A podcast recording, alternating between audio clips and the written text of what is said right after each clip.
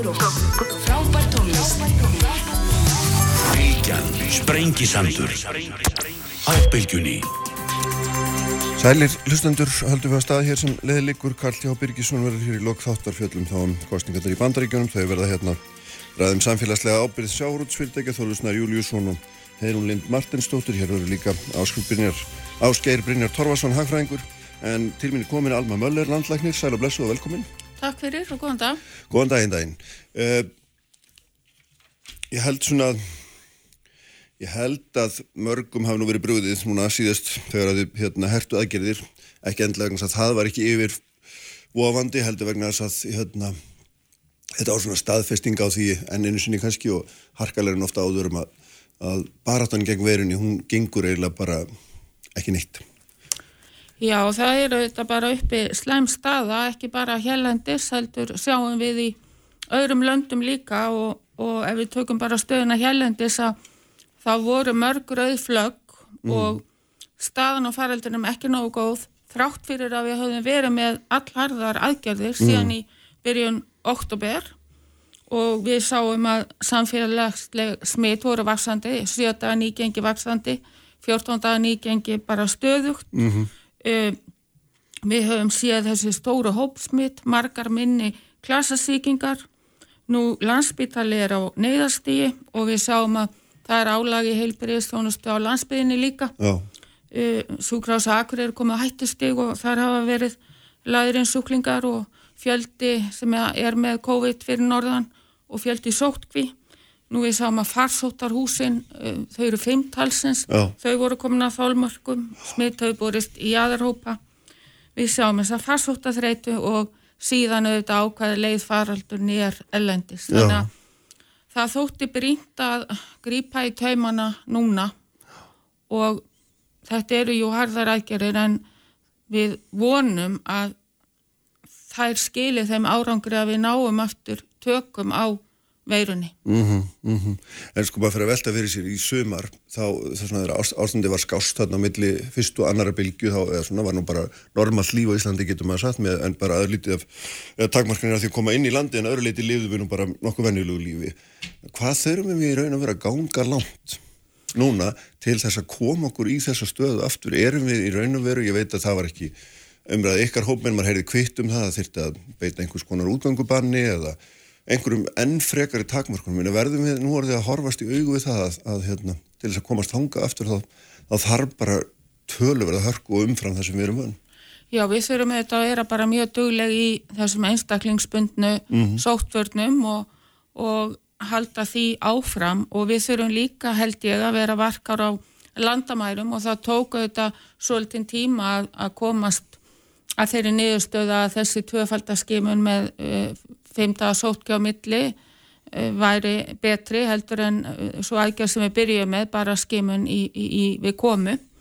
Þannig að ég held að þetta hvorutvekja þurfi, það kann að vera að, að veiran var svona hagstæð í sumar, það kann að hafa með ástíðin að gera, það mm -hmm. er mhm. ekki alveg útlokað, mm -hmm. menn er að velta því meira fyrir sig núna. Hvort að til dæmis breytingar í hittast í íti undir faraldurinn og þetta var til dæmis rætt á fundi hjá Evrópu deilt alþjóða heilbríðismála stofnunarinn bara í, í liðinni viku. Mm -hmm. En hvað, hvað segir um það hvernig svona, að þú horfir á það, hvað, hvað þyrftum við að gera núna til þess að komast inn í normalt ástand? Það er að þessar aðgerði virki. Að Já, ég veit það, en, en hérna, þurfum við ekkert að fara lengra. Er, er, er þetta nóg? Maður hefur eitthvað með einn svona, já. Grunna. Þetta eru náttúrulega ansið harðar aðgerðir mm. og ef að við fylgjum þeim þá bindum við vonir við að þær virki og menn eru þetta alltaf að reyna að prófa sig áfram með aðgerðirnar að, að hafa þær eins e, litlar og mögulegt er og þetta eru menn að prófa sig áfram en þá með þetta og þetta er komið aðeins inn í spálíkonin líka að, mm. að hérna spátnar eru farnar að, að gera e, meta ákveðin áhrif Já. þannig að ég vona þetta að svo vinna þróist en, en spáinn ef við hefðum ekki gripið til þessar aðgerða þá bentur hún til að við yrðum í svona ástandi ansi lengi þannig að nú er þetta vonin að gripa eh, inn í og, mm. og ná niður veirunni þannig að við höfum betri stjórn. Já, en sko það sem er svona það sem að þið hafi sagt og gert mjög fallega og vel er að beita svona, beita bæði mildilegu tali og mildum aðgerðum og svolítið að segja leggja þetta eins og nefnir á, á hvern og einna hérna vanda sig. En á móti getur maður sásvall líka sagt að það einfallega hefur ekki gengið upp, fólk passar sig ekki einhverja hluta vegna, er það orðið þreytt og leitt og, og, og útaldi farið? Og ekkit óveilett við það sásvall og ég menna þegar maður horfir á það og leggur það inn í öfnuna hvaða staða blasir þá við? Jú, við þurfum að einhvern veginn að halda fólki við efnið mm. og þetta þurfum við á maður alltaf að byrja að líti í eigin barm og hvað maður getur sjálfur gert betur og þar ber okkur auðvitað skilda að upplýsa fólk og, og hérna hvetja til að halda í reglur en ég held núna þá kannski voru orðin pínu væru kær eftir gott gengi í sömar þannig að við þurfum bara að taka okkur taka eftir og hlýða þessum reglum en þessi veira er bara alltaf að sína betur og betur hvað hún er mikið ólíkjönda tól og hvað henni tekst að koma aftan á okkur, hún gerði það núna Já.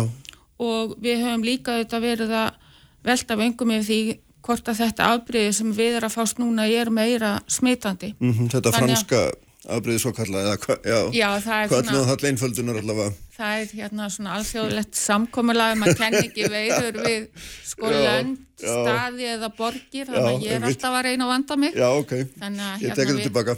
Já, já, við höfum kallað þetta bláa afbríði, það er eftir út frá því hvernig hérna ræðgreiningin er, er teiknuð upp. Aha. En já, við höfum verið að velta því fyrir okkur hvort að þetta afbreyði kunna að vera meira smitandi og þá þarf auðvitað fólk að vanda sig ennþá, ennþá meira. Mm -hmm. En þú sem landlegnir, hvað hva, hvað myndur þú vilja gera í því til dæmis þegar að Íþróttahópur sapnast saman að kveldi sama dags og verið er að tilkynna það að hér sé allt hérna sem komin fram á brún hengiflugsins bara eitt dæmi en auðvitað eru fjöldamörg önnur þetta á bara svo, svo rópandi. Menna, erum við ekki komin á þann stað að mildu aðgjörðunar þurfum við eitthvað með að vikja fyrir bara hörðum sektum og harðar aðgjörðum. Er einhver önnu leið?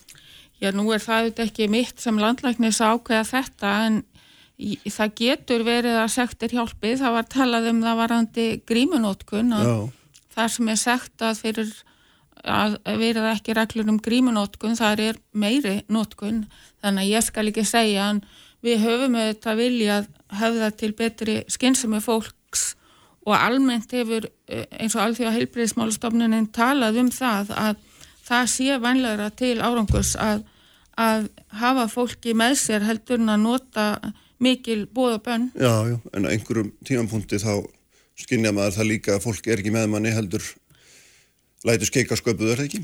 Jú, ég líka bara veldi fyrir mig hvort eitthvað hafi sko brúðist í hérna bara upplýsingamöðlun og hvort það er einhverjur hópar sem að ekki hafi náðst til. Það hefur verið talað um það til dæmis í Evrópu að það hafi ekki náðst, náðst nægilega vel til ungs fólks mm -hmm. og við höfum auðvitað verið að skoða þetta og eh, hérna emt til ákveðs samstags við félagsvísendastofnun hvort við getum reynda að nálgast þetta og, og að meila þá betur upplýsingum þanga mm -hmm. sem að þarf mm. Engur tíman þegar hérna, fyrir, fyrir að þessu ári þegar þá var Þórólur hérna og var þá að nýbúða tilkynna einmitt um, um breytingar á, á rástöfunum og þá saða hann okkur frá því að, að hann væri með skrifbólið fullt af undanþáðbeinum Er það ennþá þannig að hérna, það er alltaf einhverju hópar sem að vilja Eh, að regluna gildi ekki um sig. Það hefur borðið svolítið á því já og, og hérna fólk hefur verið að reyna svona að hlýðra til reglum þannig að það geti synt sínu mm. en ég held þá að við verðum líka að vera bara harðar í að veita þeir ekki. Já, en eru þið það? Þetta, það er mismunandi hvort að reglu, undan þá eru veittar hjá mm. heilbyrðisraðiniti eða sótarnalækni. Mm -hmm. Þannig að ég, ég þór nú ekki að fullera það. Ég veist að væri betra að, að spyrja þórólum það. Mm -hmm. En nú eru, til dæmis, hérna, nú kemur fram bara í skrifun texta núna við síðustur aðstafanir að það sé heimilt að veita undan þár vegna ísvotakappleiki, til dæmis, eða þeir eru alþjóðlugur sniði. Ég meina, gerir veira, veira einhvern greinamun á því hvort að, hvort að hérna, uh, leikur er alþjóðlegur eða innanlands eða hvernig það er eiginlega. Ég meina, á hvaða fórsöndum er þetta? Ég held þetta að sé að að, að þetta getur verið þjóðhagslega mikilvægt mm -hmm. Mikli, mikla tekjur eða eitthvað slíkt en, en þetta er, hefur ekki verið á mínu borði Nei, en hvað finnst þér um þetta? Mér finnst þetta að ég að taka þetta núna hörðum tökum og hafa sem minnstar undan þáur og reyna að láta þetta eitt yfir alla ganga. Það er auðvitað mjög mikilvægt í sambandi líka við farsóta þreytuna mm. að fólk finni að það er ekki gert upp á milli Já, og sem akkurat. er reglur gildum alla. Þetta hefur verið bent á. Já, en við, okkur hefur ekki tekist að halda þetta nú vel. Eða hvað? Ég held að okkur hefur tekist bara nokkuð vel að halda fólki vefni með að við mjög mörgunnu lönd Já. og, og maður sér eins og í kannun hjá félagsvísendastofnun að 83% segjast hlýða reglum Já, já, já, já. og, og það er mikið tröst til sótanægivalda og, og þetta er við mjög þakklátt fyrir það og ég held að það sé betur stað hér en í mörgum öðrum löndum. Já, já. Ef við, ef við horfum aðeins hérna tilbaka, sko nú, það er ótrúlega stutt í það að verið eitt ár síðan að veiran létt fyrst á sig kræla eins og ólíklegt og að hljómar og, og þarna reynda náttúrulega fór hún ekki á en kannski í februar en hún var komin á stað einhverju allavega í janúar og sennilegast í desember eftir því sem að hérna, svona, menn hafa talið. Ég meina, ef þú horfir yfir þetta, hvernig hefur nokkuð tíman í upphafi talið líklegt og sværir þessum spórum Nei. tíu mánuðu síðar? Nei, alls ekki. Uh, við tókumst á við, við hérna flensu 2009, mm. svínaflensu og það var bara allt öðru vísi, þá kom bólefni og við vorum með meðferð frá upphafi og núna er þetta nýju óþægt veira og að hún skuli vera svona lúmsk að hún getur grafið um sig og svo blossað upp. Þetta er auðvitað bara ótrúlegt og, og síðan auðvitað getur hún aldrei bara greiðlegum ve veikindum. Nei, ég hafi svo sannarlega ekki séð þetta fyrir mér og, og hugsaði bara í hvaða stöðu bæði við erum og ég tala ekki um aðra þjóðir þrátt fyrir miklar aðgerðin. Já. Sjáðu breyta. Þeir eru búin að vera með mjög harðar aðgerðir og það er alltaf að fara á flug hjá þeim aftur. Já, já, já, já. Búið fjögur að vikna útgöngubann. Já, já.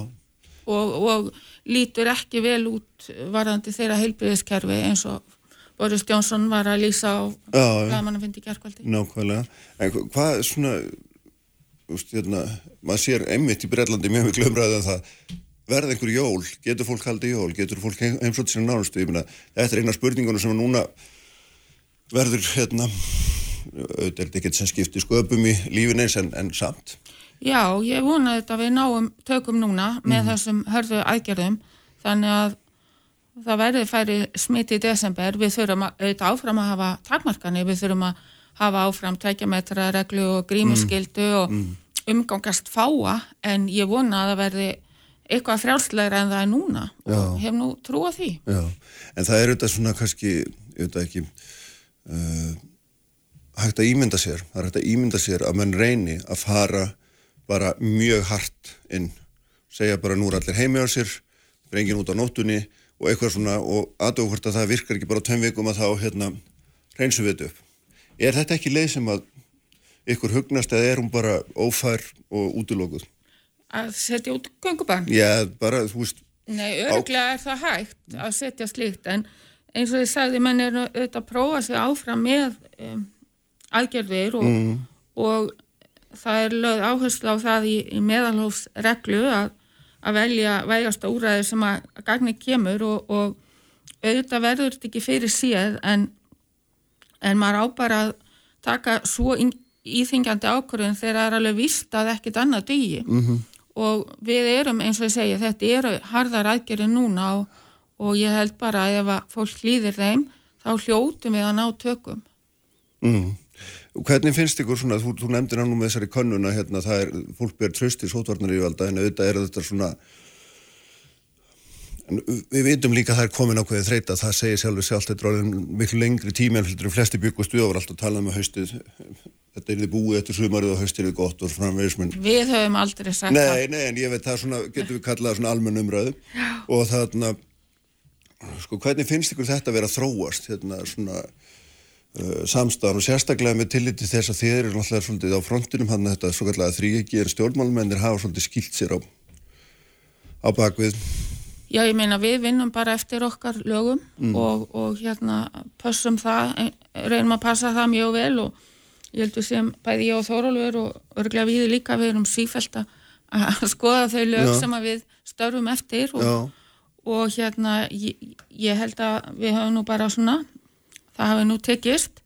E, ég, stjórnmálin eru þetta að koma meira að borðinu núna en það er það mjög nöðsynlegt þegar svona faraldur dregst á langin að taka tillit til stóru myndarinnar og það auðvitað getum við ekki metið þannig Nei. að það er og það er auðvitað þannig stjórnskipulega að það er heilbriðis á þeirra sem tekur allar ákvarðanir Já, og í svona stóru máli þá hefur hún alltaf rætt allar uh, aðgerðir í ríkistjórn. Já.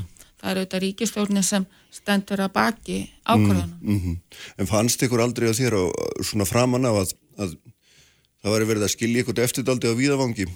Nei, Ein og nei, sér eða hvað? Ég, Nei. nei. mér hefur nú aldrei liðið þann, þannig og við auðvitað höfum svo góðan stöðning hvert af öðru líka já, og einmitt. það er mjög mikið samráð uh, bara út um allt. já. En nú er náttúrulega ljóst að sko um leið að sóttvarnar yfirvöld á hverjum tíma hafa gríðarlega sko miklar heimildir að þá er alltaf margt líka sem að orkar tvímælis. Það er alveg auðlust að þarna margt að því sem gert er það heftar frelsi fólks. Svo sannarlega og það er auðvitað mjög áhugavert að lesa uh, skýslu Páls Svenssonar þar Já. sem hann fer yfir valdheimildir, sótarnalæknis og heilbriðisráþara og hann auðvitað fer yfir eins og be, skoða lögin og bendur auðvitað á svona a- atriði sem að kannski þurfa að fara betur en ég heldur hafa nú virka vel með að vera frá árinu 1997 Já, en þetta mikilvægt að endur skoða þau í ljósi þessara reynsluðun og aldrei spúið að reyna á þau. En hann Páll fer auðvitað og skoðar stjórn, atriði stjórnaskrá í mannreitinda sáttmála Evrópu í EES samningnum og all, allstaðar eru ákveði um, um frelsi og, og mannréttindi mm. en allstaðar eru líka heimildi til að víkja frá þeim grunnreglum þegar þegar heilsu er ógnað eins og Já. þegar farsótt gengur og, Já. og hann ræði líka lögmætisregluna, réttmætisregluna, jafnræðisregluna, meðalhósregluna og þetta er auðvitað mjög hérna, mikilvægt að reyna að taka tillit til sem flestra þátt að þeirra verið er að, að taka eða ákveða aðgerðir en svo er það auðvitað bara endanlega domstólar sem að muni skera úrum hvort að þær voru með réttum hætti. Uh, Bjarni Magnússon, prófessor í lögum hérna við Háskóla Reykjavík var hérna fyrir tveim vikum og hann var alveg viss um það að einhver myndi höfðamál Já, á þessum fórsöndum. það er ekkert ólíklegt og, og auðvitað bara mjög mikilvægt að, láta reyna á það Mm. hvort, að, hvort að allt var rétt gert Mm. til að læra af því. Eh, Heldur að þið hafið alltaf verið innan rammalaga?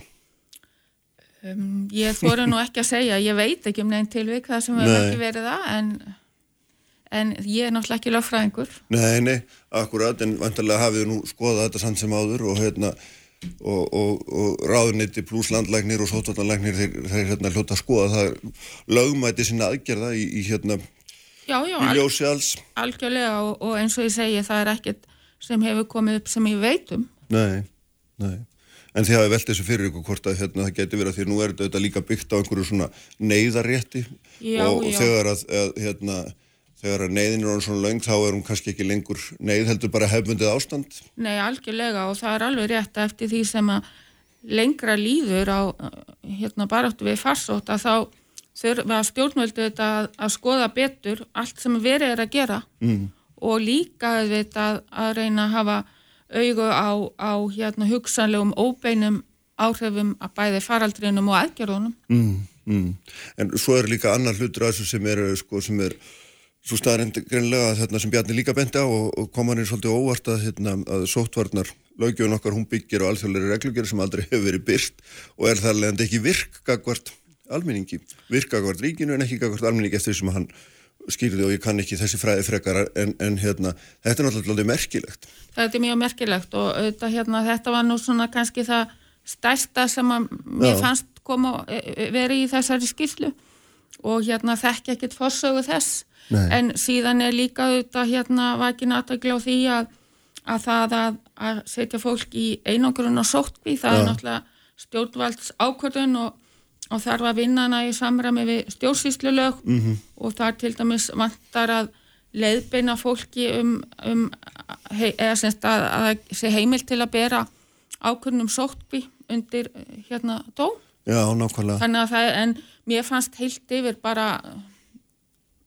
þessi lög hafa virkað og, og hann eiginlega segir að, að hérna sóttarnalæknir og heilbriðis ráð þeirra hafi verið innan heimilta. Já, en þessi umræða, hérna, ég veit að mörgum finnst þú náttúrulega að vera aukaðri í svona baráttu en, en samt sem áður, hérna, frelsi og mannréttindi skipta alltaf máli og, það er náttúrulega merkilegt að við erum búin að vera að kljást við þetta lungan úr árinu á þenn að þessi umræða raun að veru kemst upp á yfirborði. Var þetta aldrei rætt í upphafið þegar þið byrjuðu að, að hérna, skoða það einmitt að, að skikka fólki í sótkví? kannski ekki svo mikið þarna í byrjun þá auðvitað leita þessi faraldu miklu verð út Já. því að tölurna frá Kína voru auðvitað mjög ókvænlegar um fjölda þeirra sem myndi veikjast og látast Aha. og síðan hefur hlutfalli lækka bara því að nefnarinn hefur stækka, við Já, mælum miklu fleiri Já, já. Þannig að þetta leitu auðvitað alveg gríðarlega illa út hann í byrjun Mhm. og lítur auðvitað enn illa út en, en ekki eins og hérna, jújú, jú, auðvitað hefur, hefur þetta, þessi umræða verið en, en lögin eru skýr Mhm. og, og sótvarnalæknir eru að berjast við farsóttina og, og vinna út frá sínum lögum. Mm En hvernig er þessi goggunaröðinlega vegna þess að þú, þú vísar oft, oft í sótvarnalækni en hann er undirmaðin? Já. Er það ekki? Helbriðisáðurinn er, er eða helbriðisáðundur yfir, þetta er undurstofnun Við helbriðisáðundsins? erum undirstofnun og sem sagt í lögunum stendur að landlæknir ber ábyrð á framkvæmt sótvarna. Já, og það, þá skildu rækir landlæknir með því að ráða að embættinu hæfan sóttvarnalækni aha, og styðja hann og sjá til þess að sóttvarnasviðið virki. mhm, En þegar unnið er eftir sóttvarnalögum þá heyrir sóttvarnalækni beint undir á þeirra. já, það færist hann fram hér. Já, það er bara er mjög skýrt í Já, lögunum já, já, já, hans, já, já, og, og þetta hefur ekki verið neitt vandamál og, og bara okkar verkaskipting hún bara kom af sjálfu sér og, og hérna þetta verið bara mjög gott samstarf Hérna, mér langar að spyrja þig, eh, sko, svona beint og til hlýðar um dagnar, hérna, eins og vorum aðeins að tala um hérna fyrir þáttin að þú, að tímiðin hefur farið í þetta mjög óvænt en þú ert auðvitað að sinna fjölmörgum öðrum verkefnum og, og þarna, og eitt af því sem við erum að horfa fram á er auðvitað að fjöldi fólks býður eftir aðgerðum og, og, og hérna, og meðferð og, þannig talað um við að, ég hef ekki séð það hérna en við að erlendis er talað um fólki sem er krabba meginn hafi farið mjög illa út úr þessu fengið, hérna, óná og þjónust og svo framvegis. Hvernig, hvernig eiginlega er staðan á þessu? Já, við höfum þetta reynd að fylgjast mjög vel með þessu og við uh, höfum byrt eh, bara skýrslur um þetta til dæmis fyrstu bylgjuna, hvað voru margar aðgerði sem að töpuðust Já. og svo framvegis og við erum líka nýbúin að gera nýja bylista úttækt -hmm. og jú, jú, það er búið að gera færri aðgerðir í eiginlega öllum flokkum en gerða voru í fyrra, það er alveg ljóst. Um, þú nefnir krabbamein að það voru svona ákveðna vísbendingar um að það hafi færri grins með krabbamein í mars og april -hmm. og hérna en svo aftur fleiri aðeins setna -hmm. nú hvaða aflenga þetta hefur til lengri tíma það liggur auðvitað ekki fyrir. Er það vegna þess að, að greiningarna lágu niðri eða, Ég hugsa að því að eh, það getur verið tvær skýringar, það er annars vegar að frambúða þjónustu það var minna, Já. en líka fólk veiraði sig við að leita heilbyrðisþjónustu meðan mm farsóttin gekk. En við auðvitað hömrum á því allan vetur að hvetja fólk til að sækja sér heilbyrðisþjónustu hvort heldur það væri vegna nýra einnkjana eða vegna eftirlits með langunum sjúkdómum.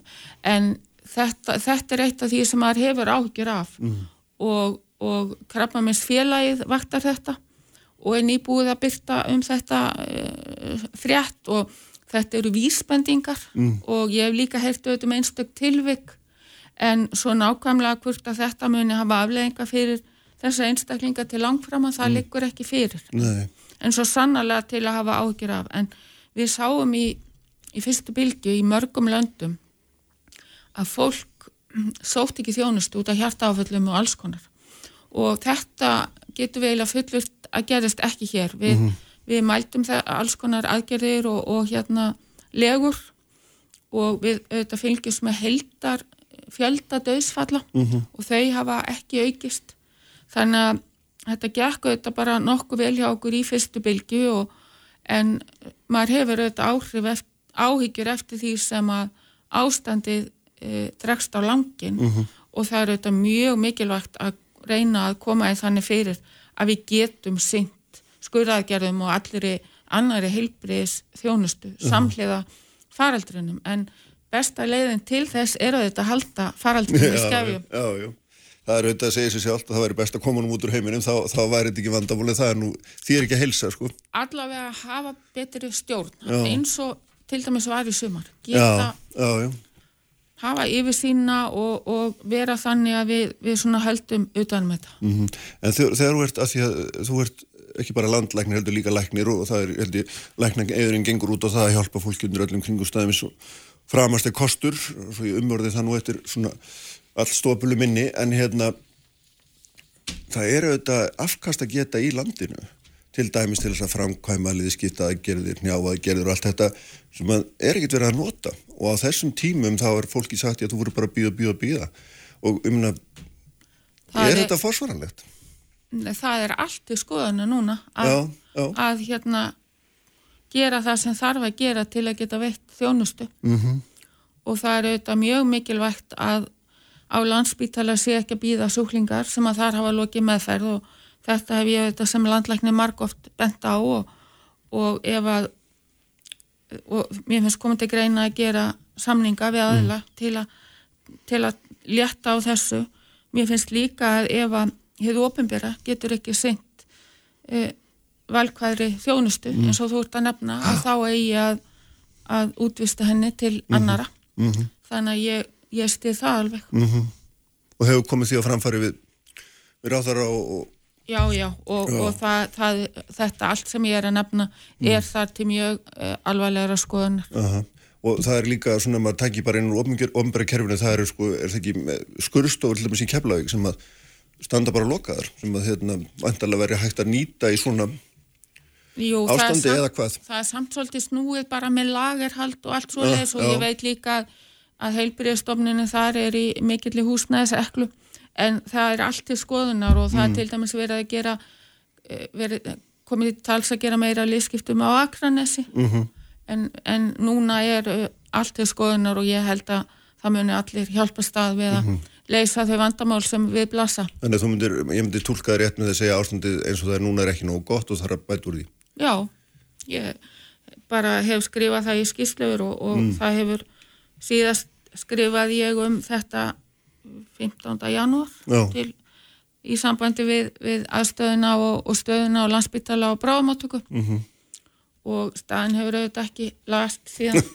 Nei, það er alveg ljóst Herriði, hérna, við þurfum að fara að ljúka þessu hvað svona, hver eru markmiði núna næstu fram á 17. november hvað þurfum við að vera hvað þurfum við að hafa staðið okkur vel til þess að við getum anda léttar Já, það er svolítið erfitt að segja en maður vil auðvitað sjá smitunum fækka mjög og eins og ég segi þannig að við, við höfum yfirsýn og þetta leit svo ágætlega út núna fyrir bara viku. Þá voru við eitt af þremu löndum í Evrópu sem var með fækkun milli vikna. já. En svo þetta kom hópsmiti á landakoti og þessi smit fyrir norðan þannig að við erum aftur að leiðin upp. Við þurfum bara að hemja þetta betur. Við þurfum öll að fara mjög gömgjafilega eftir þeim fyrirmælum sem gilda. Það eru þetta þessar ein- einstaklingsbundnu sótvarnir. Það er að nota meira grímur og, og gögnin stiðja það æg betur. Það er að halda fjallægð. Það er að forðast hópamyndun og bara sinna sín og, og fylgjast með og tilenga sér þetta allt saman. Ljómandalma, takk fyrir að koma Takk fyrir. og hérna ég held áfram eftir augnablik þá eru Ásker Brynjar Torfarsson hagfræðingur hér hjá mér Fréttir þjóðmál og pólitík. Sprengisandur á bylgjunni. Sprengisandur. Alla sunnudaga á bylgjunni. Sælir, hlustandur áttur, uh, Alma Möller, landlæknir, fannin frá mér, Karl T.H. Birgisson verður hér í lokþáttar. Uh, Fjallum þá um kostingarnar Vestanhafs og ég vona Þóliðsna Júliusinni, Rittstjóra Kjarnas og Heiðrúnu Lind Martinsdóttur sem er framkvæmstjóri í samtaka fyrirtæki Sjárútu. Við ætlum að ræða þar um samfélagslega ábyrð Sjárútsfyrirtæki sem sitt sínist nú hverjum um. En hér hjá mér er góði gestur, uh, tíður gestur all, uh, Áskil Brynjar Torfarsson, hagfræðingur, sætla blessaður, velkomin. Eina ferðin enn, við höfum hérna yðurlega hist hérna og spáð í spilin og svona farið yfir hagkerfins vestranna heims. Já, alls heimsins. Já, einmitt, og þarna og uh, svona bara, nú sjáum við bara, maður byrja bara þar eins og enn að hérna aðgerðir allstaðar að harna og, og með tilherandi þrengingum fyrir allt og alla og hvað svona, hérna, hvað sér þið í spilunum núna, hvað finnst þér hvernig finnst þér þetta að vera þróast? Já, þetta er kannski eins og við vorum að tekna upp hérna í, í, í vor þegar ég var hjá þau fyrst a, og ég og Kristrún vorum að gaggrina menn voru að búast við vaffi snöggu já. og, og svo kemistu upp einhvern tíma sögðu menn hérna um sumari að þetta væri hárleikur sko, Já. ég held að allar þessar uh, væntingar séu hornar og svolítið hættulega líkingar. Vi, Mhm. við erum inn, inn í göngum við, við, við vitum að það er ljós þegar við komum út. Þetta, Mhm. þetta, þetta er ekki stríðs ástand, það er ekki verið að eðilegja hérna, það er ekki verið að hrinja en, en það er samt notuð líkingin úr stríðs fjármálum Já, já, og, og vandin er ef, ef að maður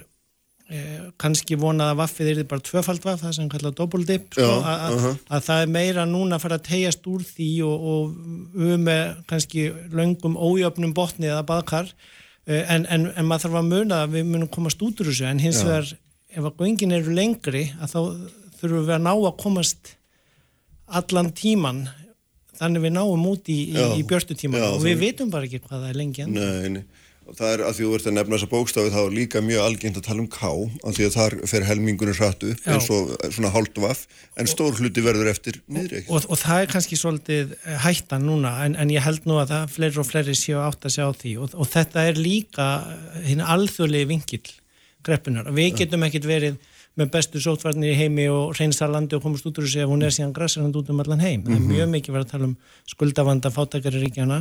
Eh, Það verður að ná veirunni niður um allan heim og það, það er mjög fallegt að sjá í raun og veru samstarfið bæði milli landa og eins milli lífafyrirtækjana sem eru að gera ótrúlega hluti. En eh, og menn eru búin að íta til hliðar hagnaðar eh, fókusnum og við ætlum bara að komast í gegnum þetta strís ástand en, en, en það er hins vegar sko fullt af svona eh, áskorunum á leiðinni. Og ef að menn eru ofastir í gamla stýrikerfinu þeir, eh, þá, þá detta menn svolítið út úr, úr, eh, eða missa af sko. Já, en þegar núna sko hérna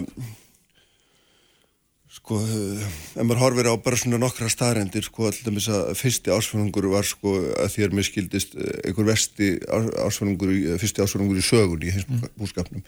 Það var svo hræðil niðursveifla hérna og heildartapið í heiminum svona á umsvöfum segir hérna allþjóða stofnuninu og ég kann vall að tala um þessar tölur en sko þeir telja á næstu tveimur ánum þá munum við tapa 12 og hálfum 12 og hálfur þetta er á bandarísku þetta Trilljón. trillions, ég veit ekki hvað það er á íslensku miljardar miljardar eða hvað þetta eru svo mörg núla Já. að við hættum að geta að tala í núlin Nei, en meina, þetta er samanlagt á öll sko, þjóðaframlýsla Eurosvæðisins og Kína Já, sem, og þetta bara, tapast út úr heimsbúskapnum á tveimur árum og maður fer að velta fyrir sér þú veist hérna, á hvað grunni verður sko viðspyrna?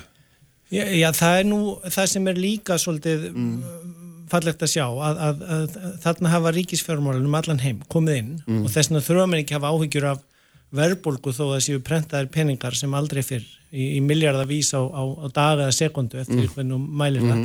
Uh, af því að það er verið að fylla upp í þetta gap eða þessa hólu uh, uh, þá hins vegar kom upp alls konar vandamál bæði það að, að við getum ekki verið endalust með ef maður hættir sér út í líkingu einhvers konar læknamál var frá því það, það, það þarf að stöða blæðinguna það, það þarf að, að hérna, og þá er pumpað inn alveg ómældu magni Já. en, en á einhverjum tímapunkti þarf síðan að hætta. Sko. og, og, og, og það er það kannski byrtist í gæri fréttunum ég meina um, samtök atvinnulífsins eða samtök einhverja þannig eðnar eða, eða annar sérhópa sko vilja, erum ágjur af því að ríkisjóður sé að fara í ómikinn halla og það þarf að Já. stoppa en svo komaðu líka og, og vilja fá meiri penning eh, hérna til að, stuðningsfyrirtækjunum sko. Þannig að, að það er nú kannski spennandi að fara að heyra þeirra plan sko, hvernig hérna uh, á að komast út úr þessu saman verkefæðsefingin kom með, með sína áallun og, Mhm. og, og, og,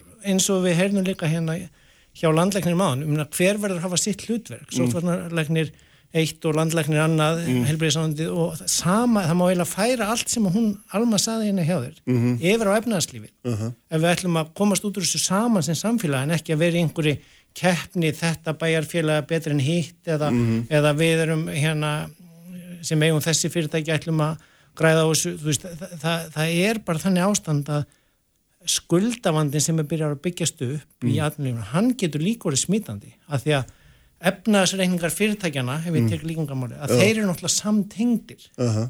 og núna erum við að búa til þar fjarlæða mörg á milli og þá verða einhverjir sem að um, eru ofskuldsettir eða lenda í einhverjum uh, ánga sem er í, er í vanda. Uh, mörg fyrirtæki sér maður bregðast hratt og fljótt við þessu. Ég meina veitingastæðurinn sem ég fór með dóttur minn út að borða á föstæðin buðu náttúrulega strax bara upp á heimsendingar þjónustu þegar lokanina komu. Aha. Uh, Macron var að hvetja frakkana í París núna þegar lokunina kom þar.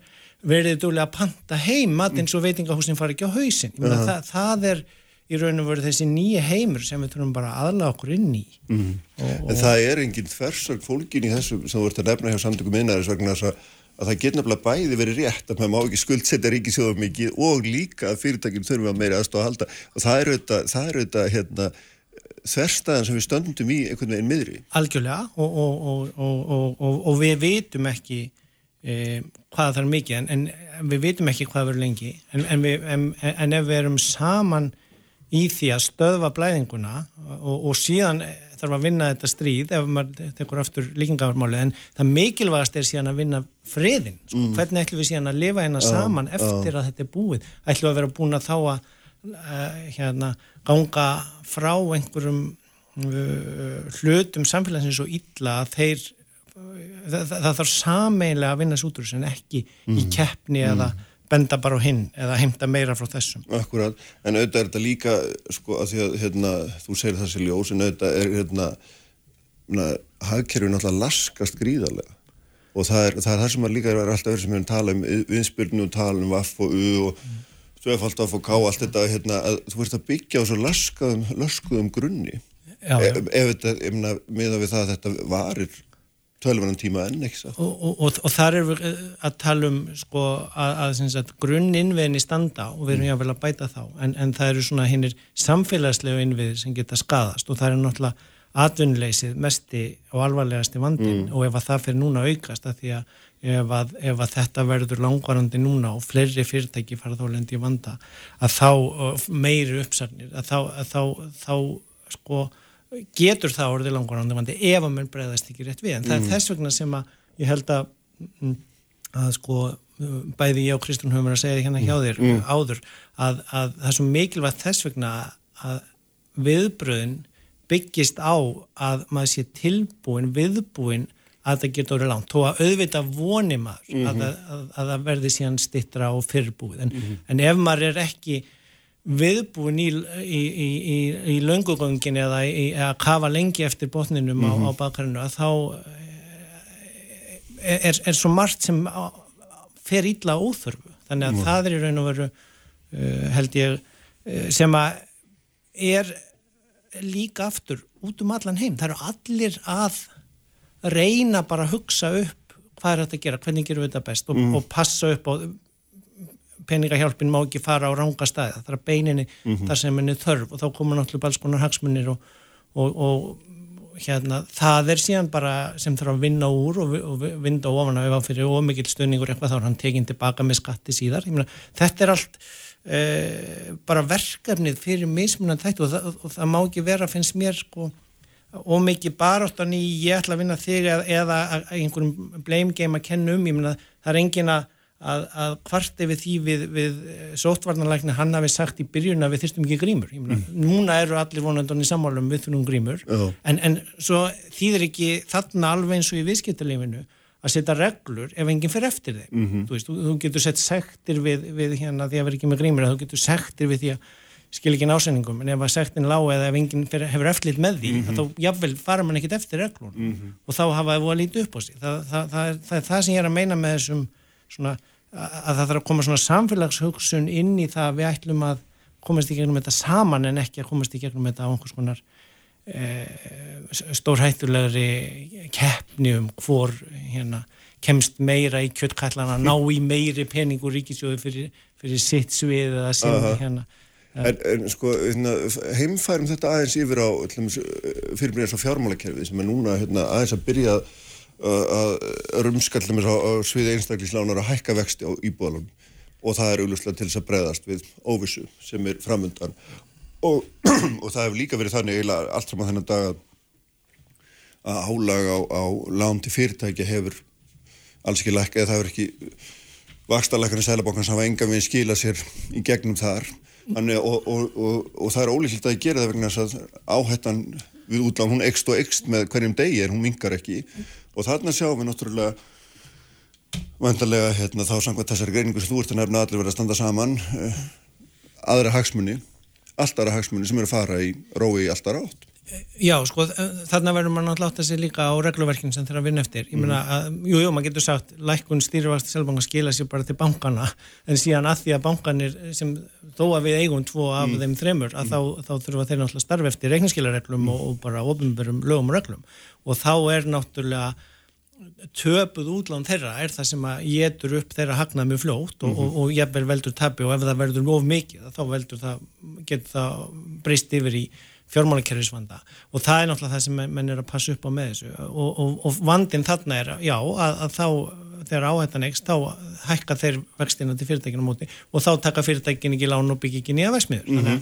að, að, að það er e, alveg, alveg skiljanlegt það sem að e, síðan má ekki gerast að sko, þá hins vegar ekki að þeir með ekki fara að láta sko tap á fyrirtækjútlánunum bytna á herri kostnaða húsnæðislánunum mm -hmm. það, það, hérna, og það hefur skilað sér í, í lækka húsnæðislánuvexti þessi lækast stýrivextlækuna verða eitthvað breyting á núna Já, ég, ég án og eftir að sjá það, ég trúi ekki að menn ætla að gera það, ég, bara með það sem er að gerast um allan heim, mm -hmm. að þá er þetta nákvæmlega tilgangurinn með þessum auknu lækunum og magbundnu íhlutunum, mm. þess að QI-inu, quantitative easing, þegar seljabankunni fara út á markaðin til þess að halda niðri og, og vakstaróinu og ná langtíma vöxtunum niður. Mm -hmm. Það var tilkynnt hér í vor og, og, og ég er alveg sammála Kristján sem var hjá það nýlega eins og við vorum að tala um þá í vor og þá vorum við jákvæðið fyrir þessu. Mm -hmm. En svo þurfum við þá að fara að gera aðgerðirnar mm -hmm. af því annars fyrir markaðurinn og heldur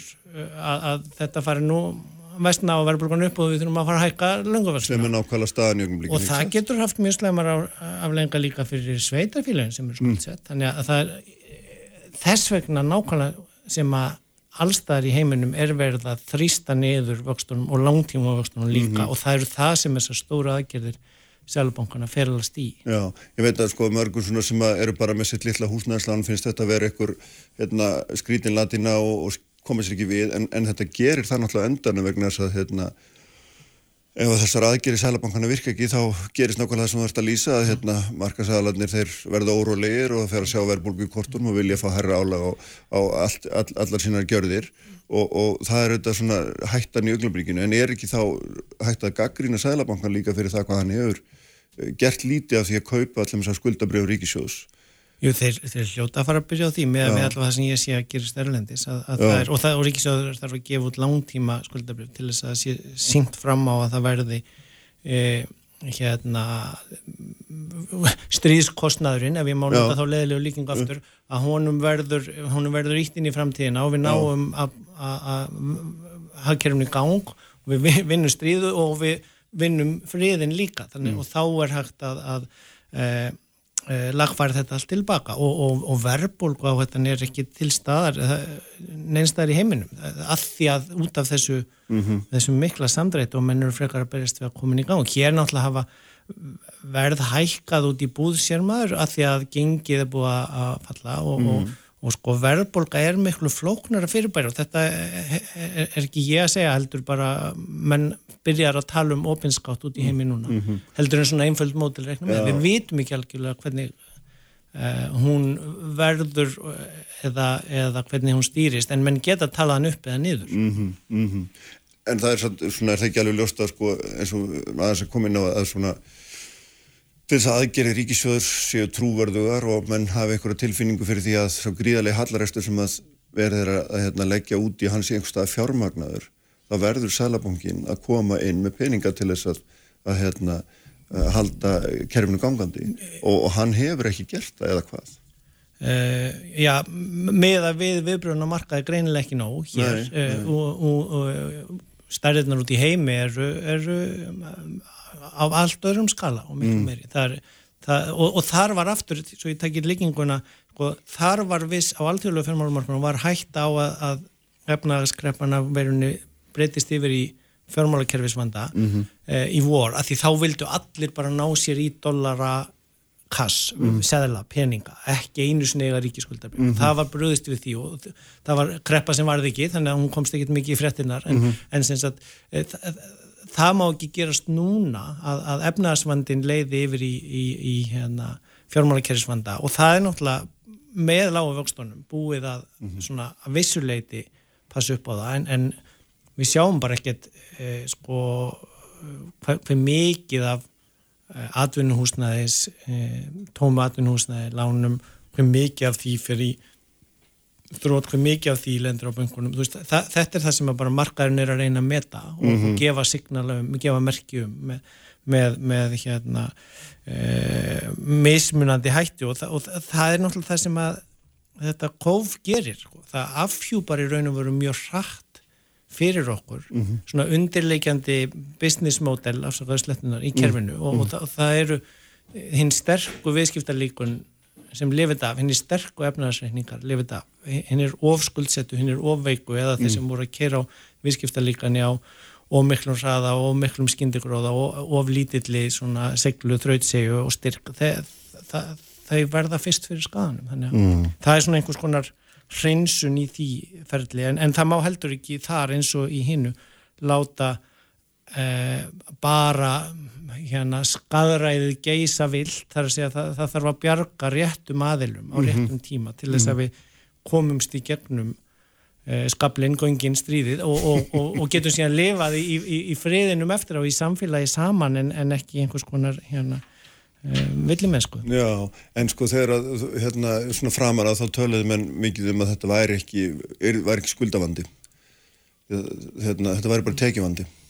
En tekjur og skuldir er náttúrulega bara Já, þetta eru tveir grunn tveir grunnreikningar úr bókaldinu, sko, efnaðsreikningur En smám saman breytist náttúrulega tekjuvandin í skuldavanda já, sko, og, og þá og, verður hérna erfiðara við þetta ekki? Já, sko, og ekki bara smám saman, sjáum til skuldavandin er á efnaðsreikningum, það sem er reiknir og skuldir, mm. sem er staðan tekjuvandin er á rekstrareikningum, mm. sem eru tekjur og gjöld og flæði, en, en sko uh, þú getur verið nú fær ég að sletta aftur solvenn, þú getur verið sagt, með stöð og hann styrka nefnarsynning ja. og va, bara í tekjumvanda en, en það er tekjumvandi sem drefur þér hratt mm -hmm. þó, þó, þó að, að það sé liquidity kills you quick Þa, uh -huh. það, það, það gerist ekkit endilega smá saman, það getur gerist mjög hratt mm -hmm. og það er mhm. það sem ég meina með líkingunni yfir í faraldrun, að mhm. skulda vandi getur orðið að skulda faraldri mm -hmm. af því að fyrirtæki byrja að fara á hausinu þá er, borga þau ekki í þeim sem hafið selgt heimþjónust og þá fyrir að vera vandi þar í fyrirtækjum sem eru allt í læg og þannig getur þetta smitast að því efnarsreikningan eru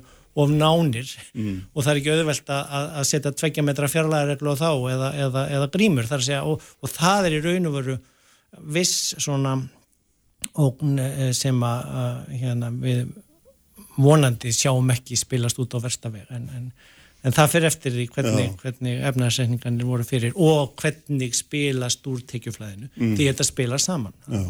En nú sjáum við það ef við bara gerum það að loka orðum hérna sjáum bara að það er að skella á mig hardar aðgerðir bara í næstu nágrann ríkjum okkar, helstu viðskiptalöndum okkar og framvegir sem hvernig svona ef þú ættir að þess að kíkja í spákúluna núna og horfa inn í ef að segja fram til áramóta eða eitthvað slíkt Þessar áramótið að næstu. Byrjum bara þessu. Ég, sko, ég, ég vil nú ekki vera mikið að spá. Ég held að, að, að sko, við sjáum náttúrulega núna og markaðinni brúðist strax við og fór að falla úti, já, út af lókunum. Eh, menn eru með lókanir úti í sumum löndu, ég fylgis með Evrópu mest. Ég menna fram í byrjun desember í Fraklandi búast menn við að því, því verði jáfnvel framlengt.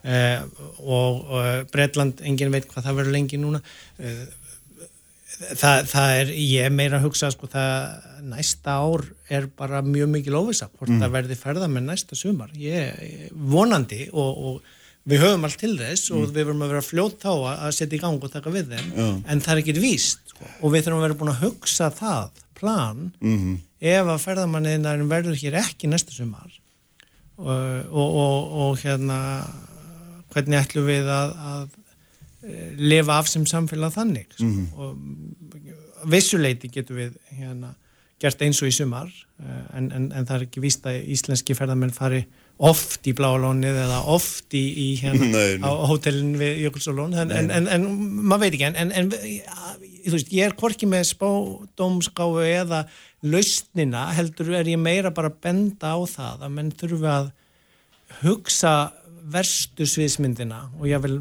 markvalda sínu verstu sviðsmynda aðeins til þess að sjá fyrir ef að þetta fer illa út um allan heim og að því það hefur áhrif okkur líka þetta er, mm. er alþjóðlegt kerfi og fjármálakerfið færðaðinaðurinn en, en við erum með allt mjög stert við erum að laga innviðin okkar við, við, við getum gert alls konar góða hluti eins og fyrirtækjandi gerir á meðan hann lokar. Hann getur málað og dittu skipt út þannig uh -huh. uh, hlutnum sem hann ætla alltaf að skipta út en hafi ekki tíma til að því að það var svo brjálega að gera þannig að það er að nota uh, þennan rólega tíma til að, til að bæta og, og vera um, síðan þá tilbúin með allt í sko ekki bara eins og það var heldur í miklu betra formi. Og það eru náttúrulega áherslunar á umhverfismál og stafræna væðingu sem er í öllum skilabóðum frá öllum alþjóðlegum stofnunum, mm -hmm. stofnunum og öll lönd út um allan heim er að reyna að nýta tækifæri til að gera og breyta í, í þessu ástandi. En það verður ekki aftur eins og það var áður. Það skrifaði ég í, vísbendingargreinin í apríl og það var ekki Já. ég heldur, það var sakfræðiprofessor út í Ameríku þar sem ég las það frá. Já. Það verður allt öðruvísi efnaðarslífið okkar Já. eftir að við komum út úr þessum göngum. En... Ertu viss? Ég, ég, ég er alveg, ég meina þú sér það bara gerast núna. Þa, það, er, það er ekki hægt að fara í sama farið aftur. Jörðin þólir það ekki að við förum aftur. Það er ekki hægt að fara í, í, í samfélagsábyrð fyrirtækja út frá einhverju bara pjeri og þykjast því að þú ert nú að fara að fá hérna nýja gæsti menn verða bara að þvó netinn og setja þau í plastenduvinnslu oh. borga það sem það kostar en ekki að fá undan þá í lögum og grafa þetta einhver starf eins og þau gerðum það alltaf þannig áður. Meina e, það, það, það er bara ekki bóði lengur hvorki samfélagið, e, náttúran umhverfið eða, eða heimurinn hefur tækifæri til að taka við því. Við, við getum alveg breytt okkur. Maður þarf bara að vera tilbúin að breyta uh -huh. hegðun sinni, hugmyndum og, og gjörðum og þá komum við mjög fín saman út úr þessu. Ljóma þetta gott, hérna, segjum þetta gott í bíli takk fyrir að koma svo alltaf Þáruður Snær Júliusson og Heirun Lind Martinsdóttir eru hér eftir augnablík þá höldum við áfram þessum að ásker hættir núna með því að hérna, tala þessum samfélagsábyrð Uppspretta frétta á Sprengisandi á bylgjunni. Kraftmikil umræða alla sunnudaga. Sprengisandur á bylgjunni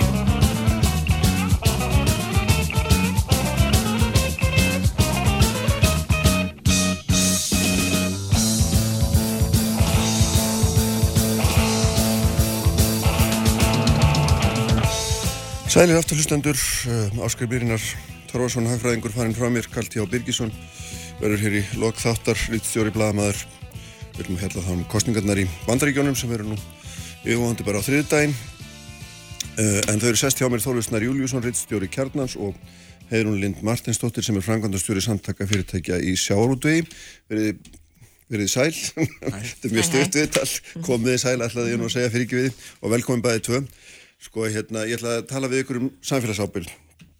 Það er svolítið gamla því þegar maður opnar kjarnan núna eða fer inn á nettu og skoða kjarnana þá og ég fór að skoða einna leiðara þóruður sem þú skrifaði mér harðarðanum þar sem þú talaður um að fyrirtæki sjáraundegi væri ekki, sam, ekki samfélagsábyrg heldur væri skadræði en, en svo við hlýðin á greininni er auglýsing frá samtökum fyrirtæki sjáraundegi um, um nýjar áherslur. Þetta er saman og síðan í þessar gjör álíku hérna, þessi gjör ólíku viðþorf sem að þarna byrtast uh, byrjum bara aðeins, af hverju segir það og af hverju er þetta svona orð hvers, hvers í garðisar fyrirtæki að það séu skadræð en ekki, ekki hérna byrjinga samfélagslega ábyrð þau fyrirtæki sem alltaf er innan SFS en koma sér í lagi Sko í fyrsta lagi bara rétt taka það fram að, að það er besta mál að uh, hagsmunasamtök seti sér uh, stefnu um mm. samfélagslega ábyrð og það var sannlega ekki við að, og ég hef ekki sagt það á neinu vettvangi að öll fyrirtæki þessum geira hægi sér ekki með samfélagslega ábyrgum hætti mm -hmm. það sem ég var að skrifum og nefndi dæmi um var að það fór ekki alveg saman hljóð og mynd uh, í, uh, hjá sumum þeirra fyrirtæki mm -hmm. sem hafa skrifað undir þessa stefnu og augljósasta dæmið sem ég tók þarna til umfjöldunar og kom upp á svipuðum tíma og, og, og SFS var að byrta stefnuna eru þetta mál skipverjana á uh, Júliussi Germundsinni Já, þú dregur nú víðari álíktanir af því mál enga síður en maður tekur tónin í, greinni finnst mér. Já, ég, segi, ég nefni það sem dæmi já, vegna þess að í stefnu uh, SFS um samfélagslega ábyrð uh, sem er byrt hérna á svipum tíma og það mál kemur upp mm. það stendur meðal annars að, að þeir sem skrifa undir vilja vinnustæðis í örgjur og góðir vilja skuldbindsi til þess að fara eftir gildandi lögum og reglum um mannreitindi sem lúta meðal annars að nöðungar og þrælkunarvinnu og við leitum eftir að trekja örugt og hilsamleitt umhverfi mm -hmm. og svo framvegis og uh, ég held að sé öllum ljóst sem hafa annarkort síð til dæmis viðtalið við hann Arnar Hilmarsson ásettan sem uh, fór í viðtal eða að talaði aðra sem uh, voru í áhöfnunni eða í kringum hana mm -hmm. að það er ekki þeirra upplifun að í þessu dæmi hafi verið farið eftir þessu sem hraðfesturhúsið Gunnvör skrifað undir mm -hmm. þegar þau skrifað undir stefnu um samfélagslega ábyrð og uh, á sama tíma eru þetta uh, og mjög óhefilegt og ekki SFS að sakast í þeim efnum uh, að þá er að vera að nota mynd ekki bara frá Gunnvöru heldur af Júlísi Germundsinni í kynningarefni um þannan sáttmála um samfélagslega ábyrð mm -hmm. þannig að það er það sem ég var að fjalla um tengt þessu máli, ég myndi síðan líka á önnur dæmi til að mynda samherja sem hefur Eh, eitt er rannsóknar eh, vegna viðskipta hátta eh, að minnst okkurst í þremur löndum það sem er grunur um mútugreislur, peningaþvætti, skattasniðgöngu, hér á Íslandi ríka önnur óskilgreind auðgunabrót samkvæmt uh, því sem hefur verið kynnt fyrir sakbótningum yfirreislur hér uh, og uh, mér finnst svona ímislegt mm. í samfélagsstefnunni ekki rýma við hegðun stjórnenda og eigenda þess mm. -hmm. fyrirtækis bæði í þeim viðskiptátt sem var lýsa hérna áðan og hefur verið ofnberað af fjölmjölum en ekki síðu kannski í eftirmálum þess máls að sem þeir hafa lagt mikið á sig að til að mynda e, fara á eftir e, personlega bladamönnum eða ákveðnum fjölmjölum fyrir það að fjallum sig en ekki kannski sínt þá mm -hmm. svona domgreind og axla þá ábyr sem talaður um í samfélagslegu stefninu sem það skrifu undir. Já, heyrun. Þetta er hérna, þetta er vissilega dæmi en það er einhver tótni í þessu og maður sé líka á netinu þar sem að þetta er byrt að hérna, fólk tekur mjög undir það að fyrirtæki sjáratunum séu einmitt óabyrg þegar kemur á samfélagsmálum. Og þetta eru dæmi en, en tónin er líka dýbri og breðari Já, ég ætla að lega mér að vera ósamal á því og mér finnst já, já, mér finnst erfitt hérna, að lesa það í þessum hugleggingum þórðar mm. hérna þegar að bryggslaðir að heilli atvinnugreinum að vera samfélagslegt skadræði og nefnd þar þá þessi tvö dæmi. Það eru 130 félagsmenn í SFS mm -hmm. og það eru 1000 aðila sem greiða veðigjald og þar með sækja fisk úr sjó á grundvelli fiskvæðstjórnakerfisins. Þannig að þetta eru mjög mörg fyrirtæki, stóra atvinnugrein. E, þau eru auðvitað, já, misjöfni eins og þau eru mörg og þeim verður alveg á eins og í annari atvinnustarfsemi og við hefum ekki að blekja okkur með því að segja við erum fullkominn mistök verða aldrei og við ætlum ekki að tala einu svona, eða viljum helst ekki tala um mistökin mm -hmm. og það er nú kannski líka ástæðan fyrir því að maður fer í það að setja svona samfélagsstefnu og þar finnst mér aftur þóruður stökk upp á raungum fæti og aðri sem hafa tjáð sig um þetta hvað er samfélagsstefna? Mm -hmm. Samfélagsstefna er ekki það að setja á blað hvað þú ert frábær í dag og hvað þú ert að gera í dag og hérna að þetta sé allt eins og blómstrið eina samfélagsstefna er einmitt það hvert ætla ég að stefna mm. Hver, hverju langa með að ná fram og hvernig ætla ég að vera með hérna, meiri jákvæð áhrif á samfélag mitt heldur en ég er með í dag þannig að ekki þessara fyrirtækja sem hafa skrifað undir stefnuna mm -hmm. uh, uppfylla þetta 100% í dag, þau eru að byrja að innlega stefnuna uh, en hins vegar auðvitað tikkaðu í flest bóksin á þessari stefnu, ég ætla nú rétt að vona það og mm. geng út frá því og veit það með vissu en ég minna að maður setur svona stefnu hérna að því að maður vil gera betur. Við erum að segja að við erum ekki fullkomin. Mm -hmm. það er margt sem á bæta og þetta eru áherslur okkar til framtíðas mm -hmm. þannig að það er það sem að stefna gengur út á. Og síðan er þetta ekki stefna SFS þetta er stefna fyrirtækjana sjálfra og það eru þau sjálfveimitt sem kvitta upp á það þau ætla að innlega þessa stefnu í sína starfsemi, í fyrirtækisitt mm -hmm. og þar kannski skerum við okkur úr hvað aðrar atvinnugreina varðar og, og mér, ég allavega þekki ekki dæmið þess að heil atvinnugrein hafi komið sér saman um svona stefnu og segja nú ætlum við hvert og eitt að innlega stefnun í okkar starfsemi. En Þetta er ekki SFS að skipa mönnum fyrir og segja við ætlum að gera þetta Nei, svona. nei, það er, það er vettvangurinn sem þeir hittist allá, eða þeir hittast á og hérna og, og röggræða sína milli hvað er rétt og hvað er rámt í þessu og hvað leið á að fara og svo framvegis hérna alveg hár rétt fyrirtækinu þetta framkvæma þetta en ekki samtökin en sko samfélagsábyrðið er náttúrulega ekki nýtt hugdag og margt af því sem að þú ert að segja sé stefna hefur náttúrulega verið hér inn í fyrirtækjum mjög lengi. Sjálfsagt 20 ár svona formlega síðið sumið þeirra. Þannig að þarna uh, og einmitt sérstaklega það sko varðandi mannréttindi, varðandi það að greiða rétt laun og hérna, gæta heilsu og velferð starfsmann og það, þetta eru gömul hugtök, þau eru ekki ný og það þarf ekki að setja stefnum þau í dag eins og þú menn þekki þau ekki. Þannig að þess vegna er þetta hérna, dæmi náttúrulega hrópandi inn í það nánast á sama degi og því kynnið ykkar kynnið þennan hérna, breyða bálka hugmyndum sem þarna líkur undir. Ég er hins vegar hérna vissuleiti, þykir mér gott að við höfum náða að koma þessar stefnu á og síðan kemur þetta málu upp, einhverjir hérna hafa vilja meina að það sé óheppilegt og einmitt sé, hérna nýta í það að þetta tiltekna fyrirtæki hafi skrifað undir þessa stefnu. En eh, hvernig hefði þetta þá verið ef við hefðum ekki verið með stefnuna? Er betra að hafa enga stefnu og hafa þá ekkit markmið um það að verða hvernig við ætlum að gera betur? Ég held að hérna, við getum verið ána með það að stefnan er þó komin og þá er hægt að segja, heyrðu þetta tilvik þarna bregður út af og ég meina það hefur verið viðurkent og beðist á því, fyrirtæki hefur beðist afsökunar á því. Og hérna við höfum sagt, ég meina það er klárlega ekki farið að þeim leiðbenningum sem voru settar, mjög skýrar leiðbenningar um hvernig bæri að eh, haf, við hafa bestu framkvæmt í aðstæðum þar sem að uppkjömi grunnur um smitt uh, þannig að hérna það er ekkit sem einhvern veginn hérna, gerir stefnun eitthvað verri fyrir viki að þetta mál hafi komið upp. En þarna segir maður þá líka, herðu þarna er þá einmitt áhersla sem þetta tiltekna fyrirtæki þarf að hafa í sinni starfsemi og sérstaklega bara eftir svona atvik hvernig ætlum við að byggja upp tröst á milli áhafnar og fyrirtækis En En þér það ekki... verður heldur ekki að horfa algjörlega fram hjá því að út á sjó er framkvæmdastjóri skipsins skipstjóri. Það er hann sem metur frá einum tíma til annars og hann sá eini sem að getur metið hvort að rétt sé að skip, sigla þessu skipi í land. E, þannig að hann verður líka og að ber lögum samkvæmt auðvitað ábyrð á því og samkvæmt þeir leiðbenningu sem við sömdum með sjómannafórustunni, með félagi skipstjórnarmanna þá var það sérstaklega undirstrykka að það er skipstjóri sem ber ábyrð á og tekur allar ákvarðanir um borði í skipinu varðandi þessar tilteknu COVID-aðgerir.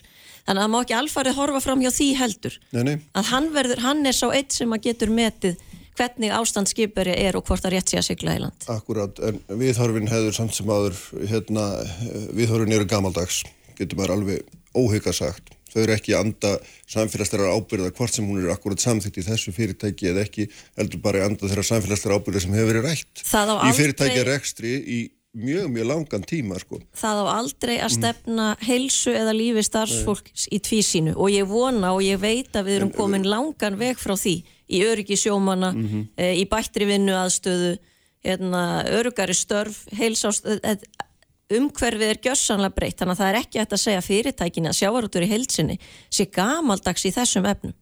Ég var, Það að, segja, ég var að lýsa þessum viðhorfum sem þarna koma fram. Þau eru þau ljóslega. Já, þessar ákvarðan sem voru Já, teknar voru já. ekki réttar. Nei, Þorður, Já, uh, veist, þetta er ekkit flókið í minnum huga. Þetta er hérna, stefna sem, eins og ég sagði á hann, er allra góðra gjaldaverð mm. og það er rétt út sem Heyrún segir að stefna er settið þess að sé farið eftir til framtíðar. En svo gerist það á degi eitt nánast að svona mál kemur upp uh, og það er mjög alvarlegt mál og það stríði gegn mörgu sem kemur fram í þessari stefnu og það gefur svona allavega réttmættar áhyggjur um það að einhverju þeirra sem skrifu undir það alltaf fylgja stefnunni séu að gera það ekki til þess að fylginni heldur til þess að geta skreitt sér með henni. Og það var það sem ég er að gaggrinn og það er mín upplifun að fleiri fyrirtækjum sem hafa skrifað þarna undir. Og það varu dæmi sem ég tók í þeim skrifum sem þú vitnaði til hérna á hann ég tók eitt dæmi annað í viðbót vegna þess að mörg sjárótsfyrirtæki eru auðvitað orðin miklu meir en bara í allskins aðra og áður óskild að gera eins og til dæmis e, samherji er stæsti eigandi eimskips og það er með taklu haldir í stjórn og, og stjórnenda teimi og e, það er ekki langt síðan að eimskip var uppvíst að því að fara e, að haga sem að hætti sem allan að raukstutu grunnur er um það að sé gegn þeirri samfélagslegu stefnu sem það félag hefur sett með því að sigla tveimur skipum mm. til Indlands og láta rífaðu þar í, í flæðamálinu uh, með, með einhverju milligöngu annars fyrir Já, já, en þú veist bara, afleggingin eru miklar uh, umhverfislegar afleggingar og þar er ekki gætt að mannreitndu þeirra sem starfa uh, þar og, og á, augljós ávinningur af þessu er fjárraksluður mm. þannig að það eru þetta fleiri dæmum þetta og ég bara vona að, hérna, að þetta, sé, þetta verði þannig að, að í þessari stjætt og öðrum að þau fyrirtæki setja sér samfélagslega stefnum samfélagslápir til fylginni og, og leggja sér fram við að fylginni mm -hmm. það er ekki mín upplifun af sumum fyrirtækjum innan sjáurútvegs að þau séu að fylgja þessari stefnu. Þarna er til dæmis fjallaðum sko gagsægi og e, það að skýra og byrta upplýsingar um tengda aðila. Já, fyrir blamenn sem hafa til dæmis reynd að vera að fá upplýsingar um tengda aðila eina stóra samstæða í sjáurútvegi hérna á síðustu árum þá er það auðvitað einn ánast að bara fyndið að lesa slíkt að þeir séu að skrifa undir slíka stefnu. Mm -hmm. en ég vona og innilega að, að hugmyndin á bakvið þetta og þetta er búið að taka, þetta er búið að vera að gerjast í lengri tíma og haldið fundir hérna fyrir þessu ári á vegum SFS þar sem e, voru mjög áhugaverðir þar sem átti sér samtal fólks meðal hans míns og, og fleiri sem mm. hafa kannski ekki oft oft upp á pallbórið hjá uh, útgera fólki en hérna uh, gott samtal og góð samtalsjátt við alls konar fólki en gerast eftir á og vonandi verður þetta til þess að, að, hérna, að það sem við höfum séð sem brotalamir í þessu mm. að það er uh, það er lægist og þessi fyrirtæki sem hafa á okkar mati haga sem er gaggrinsverum hætti uh, takki til hjá sér og gerir það ekki lengur. Mm -hmm. Kanski aðeins að bæta sko, skjótin í þetta. Já. aftur hérna er hérna hugleðingar þóruðar byrja aftur á þessu mörg fyrirtæki. Mm -hmm. og enn og ný nefnir hann aðeins samherja. Um það að tegja unga sína við það inn í viðskiptalífu og annað þess að þannig að það er eitt fyrirtæki sem þú nefnir þar aftur og aftur sama fyrirtæki Þannig að ég vil frábíða mér svona málflutning þegar við erum að tala um heila atvinnugrein. Ef að var að tala um samherja, nú talið, talið það endilega um samherja og leifið þá kannski samherja að koma hér að svara mm -hmm. e, fyrir þessar hugleðingar. En kannski hérna, að þessari samfélagsstefnu mm aftur, auðvitað er það þannig og það er áherslu punkturinn. Menn verða að standa við það sem að sagt er. Uh, og það, þeir sem að hérna, við höfum átt í samskiptum við og svo vinna sem hefur átt sér staðinir SFS við að koma þessar samfélagsstefnu á þá skinn ég ekki neitt annað en að það sé mikill metnaður fyrir því að innleiða uh, þær, hérna, þau viðmið sem þarna eru sett uh, og kannski til að sína líka að þessir fundir sem við heldum, það sem meðal annars Þórður talaði. Mm -hmm. þar sem við vorum að tala fyrir auknu gagsægi, þar höfum við einmitt innleitt núna inn í þessa stefnu að við ætlum að fara í þær huglegingar sem að hluta þeirra huglegingar sem að Þórður setti fram og ég er hérna með punta mm. úr hans innleggi þá og þá tala hann um að bæta upplýsingagjöfuna til dæmis varðandi að það er sambærlegt skráðum félögum að það er upplýstum sölu til tengdra aðila skattspor í hverju landi um milliverlagningu mm -hmm. þessu, nákvæmlega þessi atriði eru við að setja inn í þessa stefnu og það er óréttlátt að segja, herðu við settum stefnun í síðustu viku, mm -hmm. hvernig má það vera að þessu ekki byrjuð á þessu? Mm -hmm. Fyrirtækin eru bara að hefja þessa vekkferð. Mm -hmm. Það verður nú að gefa fyrirtækjunum færi á því að taka þessar upplýsingar saman og koma þeim að framfæra á sínum heimasíðum.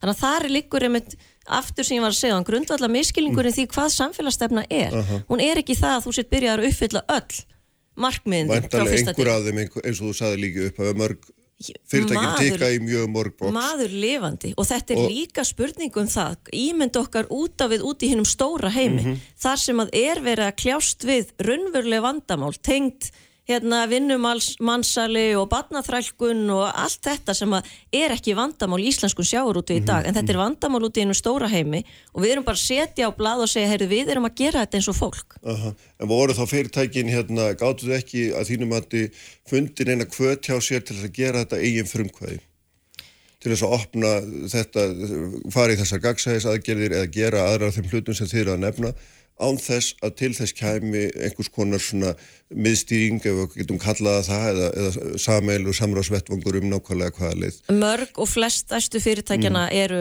þegar komið með samfélagsstefnu eða mm -hmm. eru langt komið með innleðana og byrta svona ófjárháslegar upplýsingar. Mm -hmm. Það eru hins vegar margir minni aðilar hjá okkur og ég menna þeir eru ekki einu sinni með heimasýður. Þetta eru bara lítil fjölskyldu fyrirtæki þannig séð en ég meina það eru, þeir eru burðarstólpi í sínu samfélagi, nærsamfélagi Mhm. og þessir aðlar einmitt, þú veist, það þarf að gefa þeim líka þá svigrumi hvernig ætla þeir að setja þetta inn í sína þeir hafa ekki tvo, þrjá lögfræðinga í sinni vinnu eða sérfræðingi í samfélagsábyrði eða regluverði eða það hafa stærri fyrirtækin Mhm. og ég meina það þarf ekki annað en að horfa á brim og sjá þar félag sem hefur bara gert mjög vel í sinni stefnu um samfélagsábyrð og hvernig þeir byrta ófjárhagslegar upplýsingar og annað þess áttar. Mhm. Þannig að það eru mörg fyrirtæki að gera þetta mjög vel. sem að segja mann líka þá sögu að það er hægt að gera svona hluti á réttum tíma og hérna innan sinna eigin vébanda og það jafnbrand varpar það ljósi á það er það ekki þegar að menn bregðast hvað þeir hafa fylst ítla með Mm ekki satt Ég held að svona stefna verða mitt gott aðhald í þessu Mhm. og það er eðlilegt að fjölmjöla spyrji, mm. herðu, þessi hérna, ef að það er misbrestur og ykkur í starfseminni, ok, það, það verður þá benda á það ef það er ekki í samræmi við stefnuna. Og það er aðhaldi líka sem að fyrirtækinn þá hafa, ef að stefnan hefur verið sett. Það er aðhald almennings, við erum að segja svona viljum við vera, eh, ef að við erum ekki að hérna, vinna í samræmi við það, þá er eðlilegt að almenningu spyrji, byrju, hvernig má það vera, hvað gerðist? Og hvernig ætliði þá að rétta þann hérna, leiðrétta þau mistök? -hmm. Sko það er eitt sem hún segir hérna Þorður sem ég langar að, að nefna sem að er hérna að lesa upp eftir að grunnurinn ásætt í íslensku samfélagi liggur í framsæli kvóta og aðleðingum þess. Það eru helstara tilröðin ofurstjætt manna sem er að eignast Ísland örfáða fjölskyldur og framvegis. Og þetta er náttúrulega svona þetta er að stórum hluta undir tónin í þínum skrifum um þetta fyrirbreyðum sjáur út veginn og, og það er leiðandi það að hann sé að skreita sig með stólunum fjöðrum Já og þetta er svo sem ekkit skoðun sem ætti að koma uh, óvart, mm -hmm. þetta ekki að koma hérna, fyrirtækjum í sjárútu heldur óvart, þetta er þetta var megin intak af því erindi sem við rættum hérna áðan uh, að ég flutti á þessum fundi sem þeir heldu, Mhm. þau heldu. Uh, þetta er þetta, mín raukstut að skoðun að, hérna, að með frjálsu framsali og svo veðsetningu veðihemilda hafi orðið hérna til kerfi sem gerði ákveðin hóp eða svona tiltölulega fámennan hóp eða undaskilu brim sem er eina af þessum stóru sem er, er skráð á marka uh, uh, að uh, ofsa ríku fólki sem hefur teikt ánga sína í aðra geira og þar má færa mjög sterk rauk fyrir því að, að samgetslu áhrifin innan þeirra gera hafi verið ja, ekki til svona, ekki til Uh, ekki góð, eins og mm. til dæmis í fjölmjölageranum sem útgerafjölu hafa niður greitt tap uh, stóra fjölmjöla uh, í meir en áratu og ég hef áhyggjur af því að þetta kerfi leiði til þess að ítök þessar aðila sem eru orðnir, svona, veist, ríkir sem er ekki takti við annað sem gerist í þessu samfélagi, séu of mikil og uh, það valdi og þetta er þetta, þetta svona sár, þetta ósætti sár sem hefur verið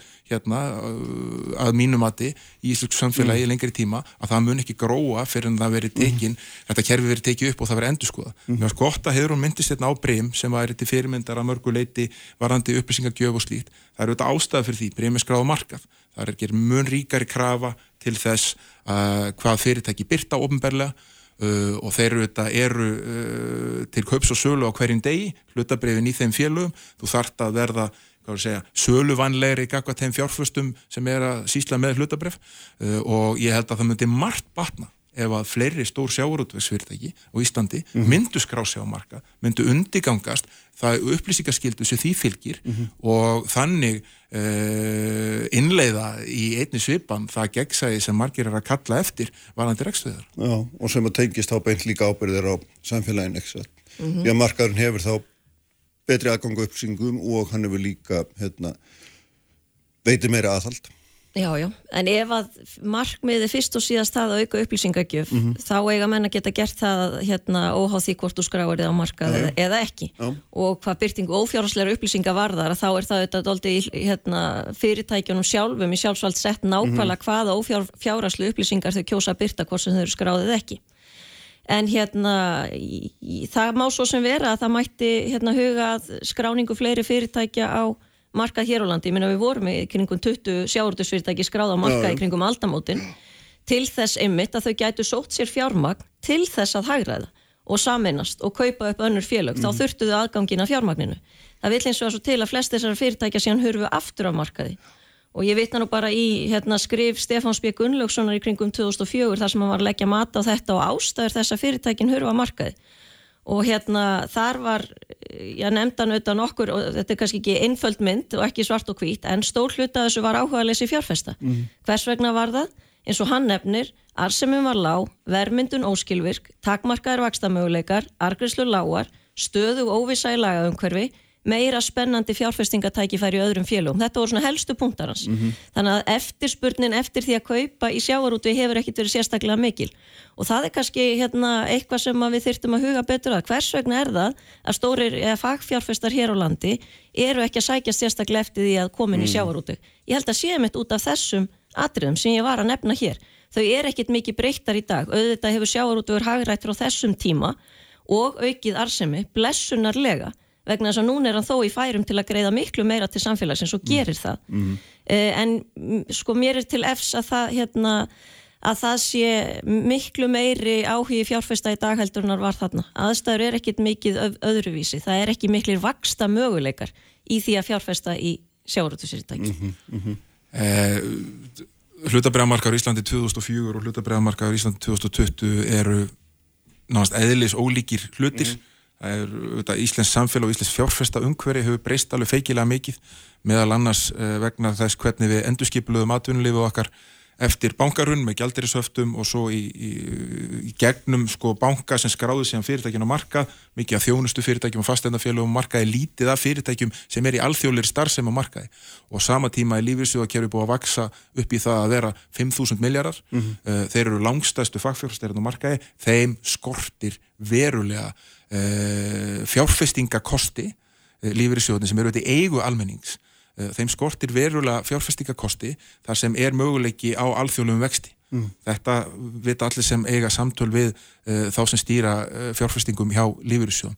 Uh, þeir eru ekki með marga kosti, það er ekki kannski mjög attraktíft að vera fastir með 40-50% hlut í að uppistu íslenskum þjónustu fyrirtæki sem er að þjónustu íslenska marka í hlutabrefa portfóljónu eins og íslenski lífyrirsjóður eru með. Þannig ég er nokkuð viss um það að ef að stærri sjáurútsfyrirtæki mun taka saman og skrá sig á markað að þá er þið áhugi hjá íslensku lífyrirsjóðum sem eru langstæstu fagfjárstar hér á landi um það að taka þátt í það að kaupa hlutabreiði þeim fjölu.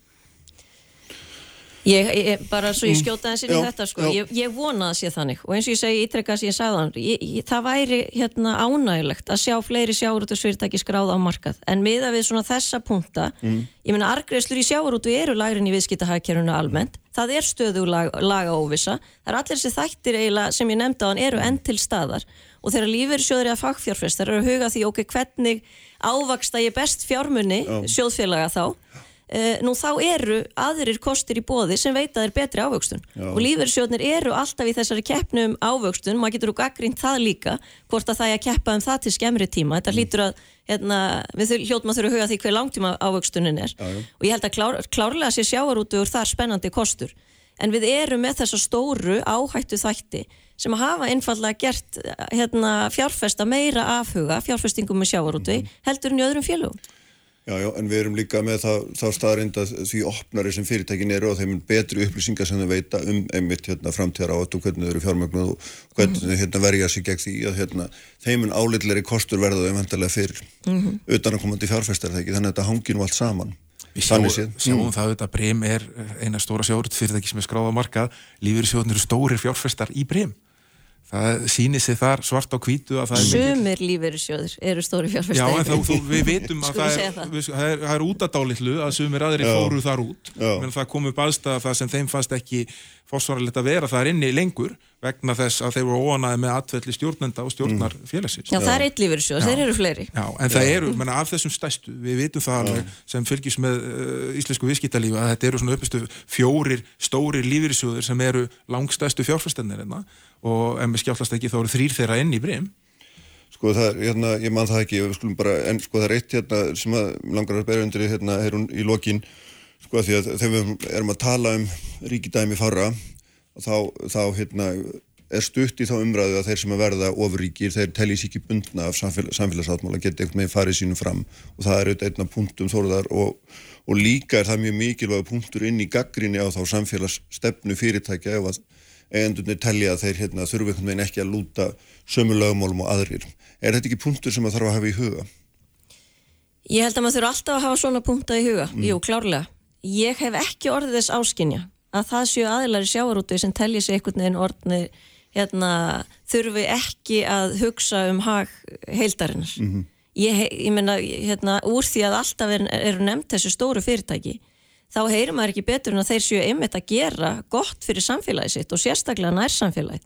Uh, og þá er ég ekki að tala um í einhvernum styrkjum til íþrótafélag eða annað þess áttar heldur bara því einmitt að skapa góð og örugstörf mm það er lítil starfsmannavelta það er mikil starfsánæja og þau eru að reka góð og öflug fyrirtæki sem eru að skapa góð, velunnuð, örug heilsárstörf við svegarum landið. Og mér finnst það hérna líka sko það sem að mér þykir væntum með sjáarútegin er að við erum með, ég get nefnt þrjú fjögur stór fyrirtæki, öflug fyrirtæki í hverjum einasta landsluta ég get ekki nefnt þrjú fjögur tryggingafélög í hverjum einasta landsluta eða þrjárfjóra maturuvenslanir öflugar eða þrjárfjóra banka. Við erum með dreift eignarhald í sjáarútvegi hvað það varðar, þetta eru mjög margir aðilar. Og eins og ég 130 innan SFS en ég menn ef við getum nefnt hérna 20-30 mjög öflug sjáarútusfyrirtæki e, það er hérna það, í því liggur auðvitað styrkur okkar, styrkur okkar sem samfélags þá og þessu öflugu fyrirtæki eru einmitt að búa til virði allra. Það er óumdeilt að íslensku sjávarútugur er að skapa meiri tekjur fyrir samfélagi heilsinni heldur en sjávarútugur í öðrum löndum. Og eins og Þórður er að nefna hérna með takmörkun á framsali aflaheimilda þar erum við bara með dæmi frá Nóri þar sem takmörkur á framsalinu. Hvað er þar? Það, þeir eru ekki að greiða sérstækt auðlindagjald e, þeir eru að niðugreiða fiskvinnsluna hjá sér. Þeir eru með, já, mikið til farandverka fólk sem kemur að vinna í fiskvinnslu sem er nú vandraði núna einmitt í COVID ástandinu síðustu viku að vera tilkynum það að það ætti ekki lengur að gilda undanþár fyrir þetta fólk að fá að ferðast til og frá Nóri til þess að koma til þessara starfa e, vegna hættu einmitt á útbreyslu veirunar þetta eru at, atriði sem að hérna, eru þættir í norsku sjávarútvegi sem að við þekkjum ekki til viðbótar við lofslagsmálin sem er risastór þáttur hérna, og framtíð sem við þurfum að tala miklu meira um er framlag Íslands til lofslagsmála er íslenska fiskveðstjórnakerfið. Mm. Í Nóri erum við með allt of stóran, hungraðan flota sem krefst þess alltaf að það sé veitt meira og þeir eigða miklu meiri olju því þeir hafi ekki hagrætt í flotunum og það hefur áhrif, hérna, neikvæð áhrif á umhverfið. Þannig að eh, þegar að vera að tala um svona þætti eins og förum að takmarka framsalið þá vilja menn þurfi, þeir sem að tala þannig eigi þá líka að fá spurninguna ok, hvaða áhrif mun það hafa? Hvernig bætur þú sjávarútug með því? Ég get ekki sé að sjávarútugur í Noregi sé nokkru bættari með því Viltu svara þessu hálfur myndu? Uh, já, já, ég hef ekki sérstaklega uh, talað fyrir því að framsalið er þið takmarkað. Ég var að segja að það er á- átt sér stað ákveðin þróun frá því að framsalið var leift. Uh, ég er hins vegar, sko, þetta er stærstu mistökin hafa verið með því að leifa veðsetningu af aflaheimildum. Vittu, þú nefnir hvort vekja í nýjustu greindinni Ah, já, í samfélagslega skadræði, þá nefnur þetta ég, framsal Nú ætlum ég að fá að svara. Ég sagði, ég að hérna kvótakerfinu verið einhvern veginn umturnað, að við förum í einhverja aðra útfæslu á því að veiðum en að vera með kvótakerfi og mögulegt framsal uh, á, á, á kvótaheimildum. Ég hef eins og var uh, talað gegn því að uh, það megi veðsetja þessa kvótaheimildir til þess að fá lán í böngum til þess að kaupa upp aðra kótaheimildir eða fara inn í óskildan rekstur og ég held að þar hafa megin mistökin verið geð það sem ég hef talað fyrir er það að það þurfi einhvern veginn að skoða þetta til þess að mynda samfélagslega sátt um þetta kerfi sem er ekki til staðar í dag. Við erum búin að horfa á það að frá því að kótakerfi byrjaði þá er fyrirtækjunum við sem gera búin að fækkum hvað, tvo þriðu Uh, og þið talum, um það, markmið. þið talum um það með jákvæðum fórmerkjum og segja þetta auki arsemi og allt það. Uh, að marga byggðir í landinu sem gera það ekki. Guggan er ekki lengur gul sko. Það liggur alveg fyrir.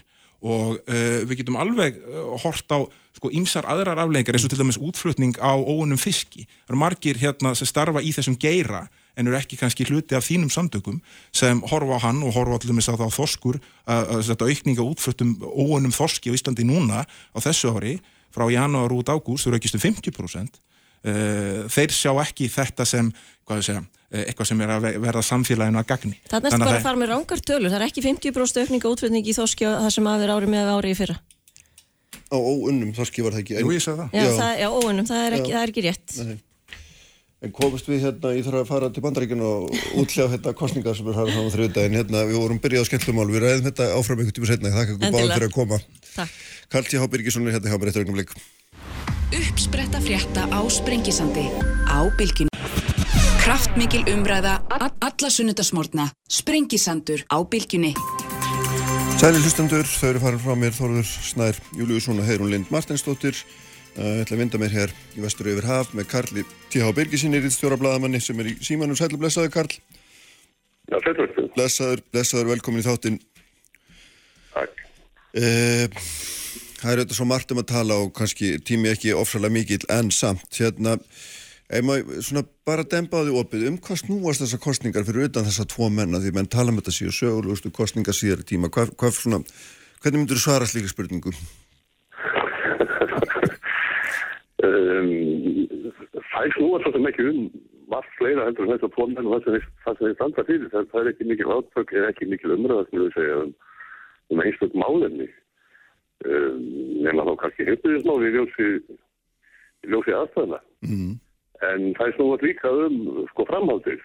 Hérna, hvers konar, konar samfélag bandarækir eiga, eiga að vera. Já, og það er nú aldeilis, aldeilis uh, ólík sjónum með uppi eins og við þekkjum og þurfum ekki að reykja svona mhm, og, uh, og uh, þeir snúast lík þeir snúast líka svolítið um uppgjör á milli þessara tveggja fylkingar sem hafa tekist á ansi lengi sem eru það er gríðalúi menningar mölur á milli hópa sem, uh, sem verða stundum ekki eiga, eiga heima í samanlandi já, og eru algjörlega ósamálum hvernig, hvernig það skulle vera. já, þannig að það er svona kannski, Þetta er svona, þetta er svona yfirbólkenda svarið. já, einmitt, en samt sem aður, hérna, þó það sé, þó það sé yfirbórskend, þá er þetta, er svona, hérna, auðvitað, alveg hárétt að þetta er auðvitað einhvern veginn svona um hvers konar þjóðfélag bandaríkin eiga vera, að þau hafa þetta breyst kannski aldrei mikið á svona undanförnum, ekki bara fáum árum heldur kannski, ef maður segja kannski svona 20 árum eða svo. Já, lengur en það. Mm Þú getur, þú getur ekki þessi átök alveg uh, aftur til 1965 Já, og hérna þegar, þegar Lyndon Johnson kom í gegn bæði margundalöggefinni og, og kostningalöggefinni sem, sem veitti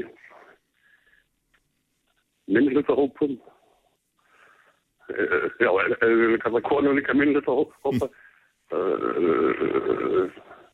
réttindi sem þeir höfðu ekki áður og, og þar með þótti svona miðaldra hvítum kartmönnum að, að sér frengt og það er nú einhverjum á, á að þeirra stuðningi sem að, sem að Trump hefur, hefur lífað hing, hingað til. já. Þannig að hann er svona einhvern afspringið þessa. Já, hann, nei, hann, hann- hann þarf að inn, inn í þennan tíma, Já. inn í, inn í þessa aðstæður. Uh, uh, hvor hópurinn um sig telur, telur sig vera fornaland eða því að að- að- af sér hafi verið tekið réttindi Mm eða forréttindi í, í tilviki kvítur kallarlega. -hmm. og, og þeim hefur ekki líð, líðið vel með það áratugum saman og stærsta byggingarmenn þess, byggingarmenn þess var nú, var nú að kjör Reykjans 80 þegar, þegar Suðuríkinn snerust frá demokratum til republikana af því að, svo við séum algjörlega kjörleysaskiptum, af því að sko demokrataflokkurinn uh, uh, var hann að tala máli feminista, svertingja og kynvilíka. það var sko, hérna, já. Og þetta er ekki ný skoðun heldur þetta er þessi, þetta myndir sem, að, sem er teiknið upp og gildir að miklu leið enn dag. Já, já. Þannig að að við erum að horfa á nákvæmlega þá einhver svona átök milli, djústa átök á milli þessara takja fylkinga sem að eru svona einhvern veginn kannski að opinberast okkur margan hátt skýrar, skýrar núna heldur en, heldur en kannski gegnum söguna kannski að þeim er bara að miðla svo mikið eða hvað. Já, líka og, og náttúrulega þá sem talar fyrir, fyrir, fyrir sjónamiði gamla tíma er svo, uh, ég veit ekki hvað með, það er að kustið sér ekki, Jú, en hann, hann er svo afgefandi, skulum við segja. að, hérna, og og, og þeim sem styðja hann er eiginlega alveg sama og hvað hann segir eða hversu miklan lífur. Því hann er að tala fyrir sjónum með það sem að þeim sem þeim, þeim líður vel með. Mm, og, og þeir eru tilbúinir að að, að gera bandalæfi allskins ógeð þess fólk til þess að að ná þeim málstað fram. Já, Og nefnum bara, nefnum bara rasistana. já, Eða ný, eða ný rasistana, þetta var kallað. já, það er alltaf mjög merkilegt í þessu svona stóra líra síkja við skulum vera komin onni, eða komin á þennan á þennan stað þar sem að, hérna, við erum að tala ofinskátt um, slíka hópa sem eitthvað svona aflinn í inn í nútíma samfélagi. Já, já, já, já. En þeir eru sko, skulum samt ekki til á úr, úr því, þeir eru þarna og, og uh, uh, en er ekki, er ekki þósalega margir. Þetta er engin, enga miljónir, en, en, en þeir eru vel vatnaðir sem, er- sem er sko eiginlega stáðjefnið. Mm. Hérna, ég talaði lengi gegnum við lögmann í Washington gamla vinnum sem að upplýði 1968, þá bara sem stákur, 10 ára. Átökin þá á göttum úti. Og finnst hann vera að upplifa það sama núna. En munurinn á þeim tíma og okkar tíma er að nú eru einhverjar sko miljónir hrískotarifla í enga eigu í bandaríkjum, það veit ekki hvort það eru 10 miljónir eða 15 Uh -huh. sem segist sem segist um sérfum kerfið, það veit það ekki. En, uh, en þetta líf ber vopn og göttum úti og mála ég veit ekki hvort að mannst eftir eftir hérna ráðhúsinu í Michigan eða fylgis ráðhúsinu Mm í sömar Jú, jú. það tóku sér stöðu það tók sér stöðu fólk innan við það með fylgkvöldabissur um vöxt og mattu það. Hefði ekki mattu það með nótbælumkýtti Nei, það er, það, er, það er heimilt að bera náttúrulega vopnar ekki innan klæða sem er. utan klæða líka utan, klæða líka Já. það er hérna það er nú eitt af því sem ég tekist á um líka það er, það er hérna það er rétturinn til að bera vopn stjórnarkvæðbyrningin Þannig að það er svo margt, það er svo margt að spila saman í þessu. Það er ekki bara uh, einhvers konar hugmyndafræðileg deila eða menningadeila. Heldur, það er- það er reyði og djúbstað hitt við það. Og, og uh, eins og hvítum kallmannu finnst þegar það verið svift í forrættingu sín, þá, þá kvarta blakkir og brúnir eðlilega og réttmættlega yfir því að það var alveg fyrir kerfislægu. Fyrir kerfislægu mismunum á að tjóða saman. Já. það rétt En hvað hérna, ég sé að þú ert svona, þú ert- þú í hópi eh, freka fárar sem að hérna telur greinlega ennþá að það þurfi að, að, að það sé líklegt að Trump vinni er það ekki. Eða minnst þú veist, vilt ekki afskrifa hann, maður sér nú svona æsterkari, eða æ fleiri hallast að því að kannadinn hafi rétt fyrir sig. Hva, hvers vegna geldur svona varhug við, við þessu? Já, ég, ég, ég stum ekki að segja þessi líkþæra að vinni en, en það, er, það er algjörlega mögulegt og við bara byrjum á því sem við vitum sem er nú ekki margt þá er það að hérna að viðtal kjörföldarakvæðis hún er hún er nú þegarslega í net. Fyrir því er náttúrulega aðal ástæðan veiran að fólk, fólk mitt síðu fara á þessu en uh, það er líka vísendingar um að fólk sé að kjósa sem kaus ekki síðast. Og hafði bara ekki hafði bara hérna vilti hvorki kjósa Trump nýja heldur heitlaði Hillary þar nokkuð mm uh, og við vitum ekki hvers konar já er þessi við vitum ekki hvernig, hvernig kjósið það hópurinn er samsettur í þessu skipti uh -huh. Það er vísbendingur um að það sé af öðru tægi, að samsetningi sé önnur heldur en venjulega. Og það er að leiðis að þeir sem gera skoðikannanir eiga mann erfiðara með að finna rétta úrstakir eða blanda og vikta úrstakir sitt í samræmi við það. Mm til þess að fá, til þess að, til þess að fá rétta endurspeglun á því hvað þetta fólk ætlar að kjósa. Þannig að kannanir eru að, að mér sýnist bestafalli nýsting og alls ekki alls ekki eins afgerandi og semur semur vilja vera láta. Mm. sérstaklega í þeir fylgjum sem að það sem það sem er ráðast það sem 5-6 Mm. það er munurinn bara 3-4% og það er ekki neitt Nei, þannig að þegar, þegar, þegar skestimörkinu eru 4-5 Já, já, þannig að þarna, það er ekki útilokað að menn vakna fyrir vondan draum, allavega sumir, hérna, á strax á aðfara nótt mjögudagsins. Nei, nei, en það, svo, svo er það nú hýtt að það verður allavega að það nátt myndur. þetta mun, mun dragast að langin einmitt af, því, hversu mörg utankerfundana hvað er og, og fylgir svo bensinveini að munu verða mjög lengi að telja þau. Það má ekki byrja að telja þegar búið að loka kjöstuðum og bensinveini hefur engar einslega við að telja marga miljónir. Mm. Allt það. Þannig að það mun dragast að langin og síðan náttúrulega eh, er Trump tapar sem við skulum vona. Þá var hann beita öllum ráðum til þess að til þess að við fengja þá nýðstu bæði lagalegum og og áráðslegum En það er náttúrulega eitt af því sem að því ég hef sem ekkert verið minn nefið hann í bandarískum stjórnmálum og allar síst í kostningakerfinu er að hérna hér, hér áður en eftir því þegar maður byrjar að kynna sér þetta þá er alveg magnað hvað þetta er raun og veru gloppút ólíkt milli hérna ríkja, ólíkt milli svæða innan ríkja jafnvel og hérna og svona margar gloppur sem að einhvern veginn komi í ljós þegar maður byrjar að, að lesa sér til um þetta? Já þetta er það er guðum sá og ný. Ég myndi ekki að segja glopput, ég myndi að segja frumstætt nýjaspar uh -huh. þannig það er ótrúið að vikast með því sinna fylgjum að hérna hversu gamast og gamaldags og og úrætt kerfið er og þessar aðstæður virðist sumstafar kerfið einfallega ekki ráða við að uh, að kjósa mm -hmm. það er sýttir og, og það eru er, er í hverjum kostningu sem koma deilumál og, og afatriði og lögsóknist vegna þeirra og við munum nú árið árið 2000 já, já. þegar hæstur réttur þetta skér úrum hérna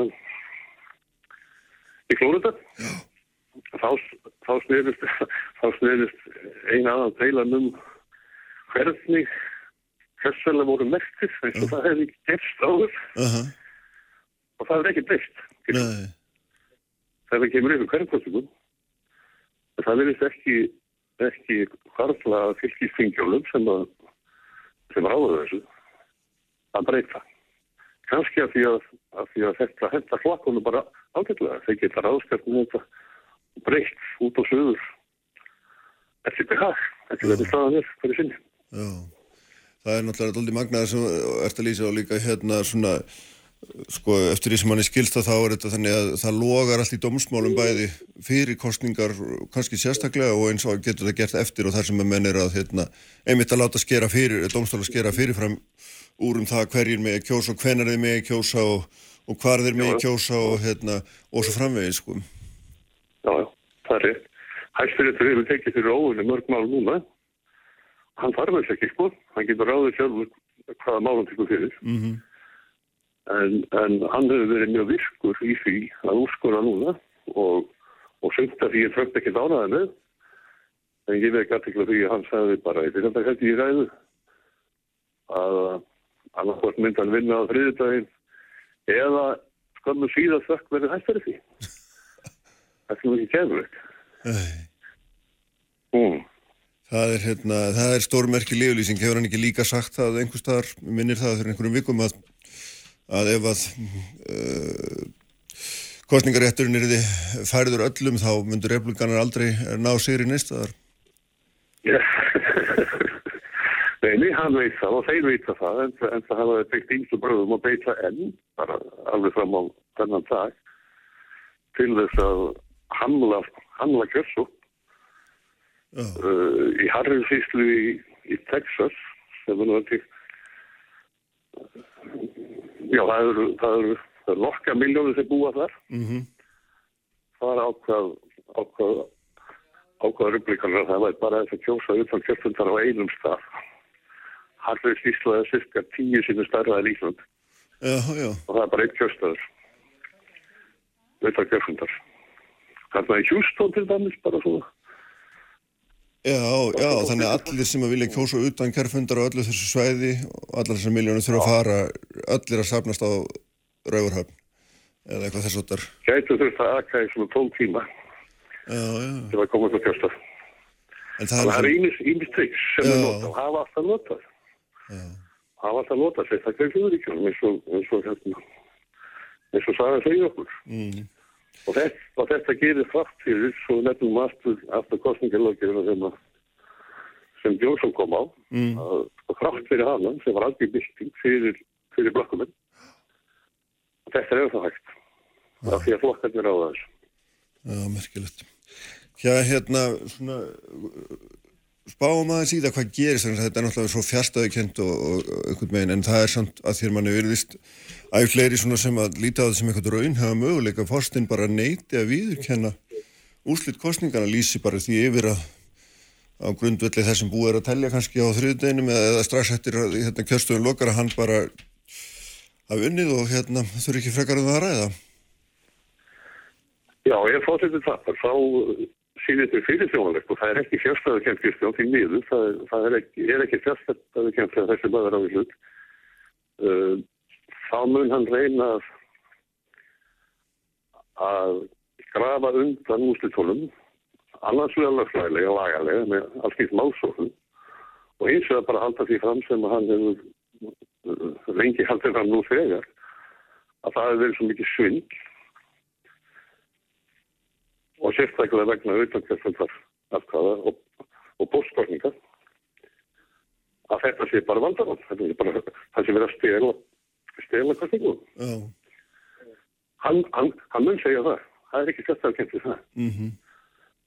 og og hvað gerir þá? Og hann mun, hann mun sko með því að segja þetta þá ítir hann undir uh, öfgahópa sem eru sumir hverjir, vísi til alls og það mun koma til óbyrðis. Það er ekki borgarna styrjöld eins og, og sumar hafa sagt, það er ekki það, það verður ekki en, það kemur til átaka uh. alveg, alveg kemur okkur það uh.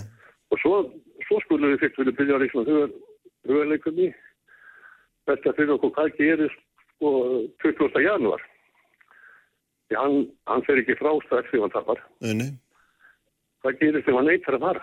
Segir bara, ég fer ekki neytar, það er sving, þetta er vandarum. Mm. Uh, hver á að kjalla hann? það er nú það. Þetta er í alveg alveg spurning sem fólk velti fyrir sig. Já, það er alltaf stór merkir að uh, ég sjálfur sér að menn nokkuð... Það einu því ekki að, að, að hann verður fórseti til 20. janúar, ég er bara tóttan tappi. Já. Og hann er þá ennþá yfirmaður þessins á þeim tíma. Uh -huh. Og uh, hann beita öllum ráðum bæðið með stöðkjörfisins og reyna að beita eru þýstingi um um að gera þess maður. Þetta hljómar eins og mjög. Já. En er samt ekki fyrstakjönd. En eftir þetta spurningi hver á að draga út út úr výtöðunum? Það veit ekki. Nei.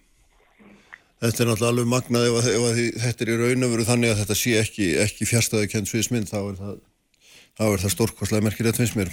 Ég veit að fólk í Washington hugsa um þetta. Já. Það er bara þannig. Alvöru fólk, ábyrg fólk. Já. Til viður. Ég strikka á það nú er. Já, það er það sannarlega. Herði, við sjáum hérna á þrjúdægin hvernig þessu lyktar öllu saman, já kannski sjáum við ekkert á þrjöðdægin, miðgudægin eða kannski bara 20. janúar. Við sjáum vísbendingar. Já, við sjáum vísbendingar. Takk hérna fyrir þetta Karl T.H. Birgisson að vera með mér hérna Ég var ákveð að segja eitt. Ég var ákveð að segja eitt. Eitt fyrstjón, það var alltaf að byrja með að spá. Já. Um úrslit. Já. Það var þegar viknaði Róbert Marcel sem ég hitti á kjörfi á Íslandi fyrir nokkrum árum. Hvernig það færi og hann svarar ég veit ekki jack shit. Og ég held að það er núna, hann veit ekki jack shit. Látum það verða loka orðin Takk fyrir að vera með okkur. Sjöfnlegur Og hérna hér við þurfum að láta sprengisandurum lokið í dag að sjálfsögðu. Hérna Ívar Haldursson stýrði auðvitað útsendingunni að venju. Allt efnir á bilgjan.is og vísi.is og hægt að finna okkur á Spotify. Og viðar þar sem hægt er að finna podcast Látum svo lokið í dag, ég verð með ykkur hér aftur eftir viku, verið sæl.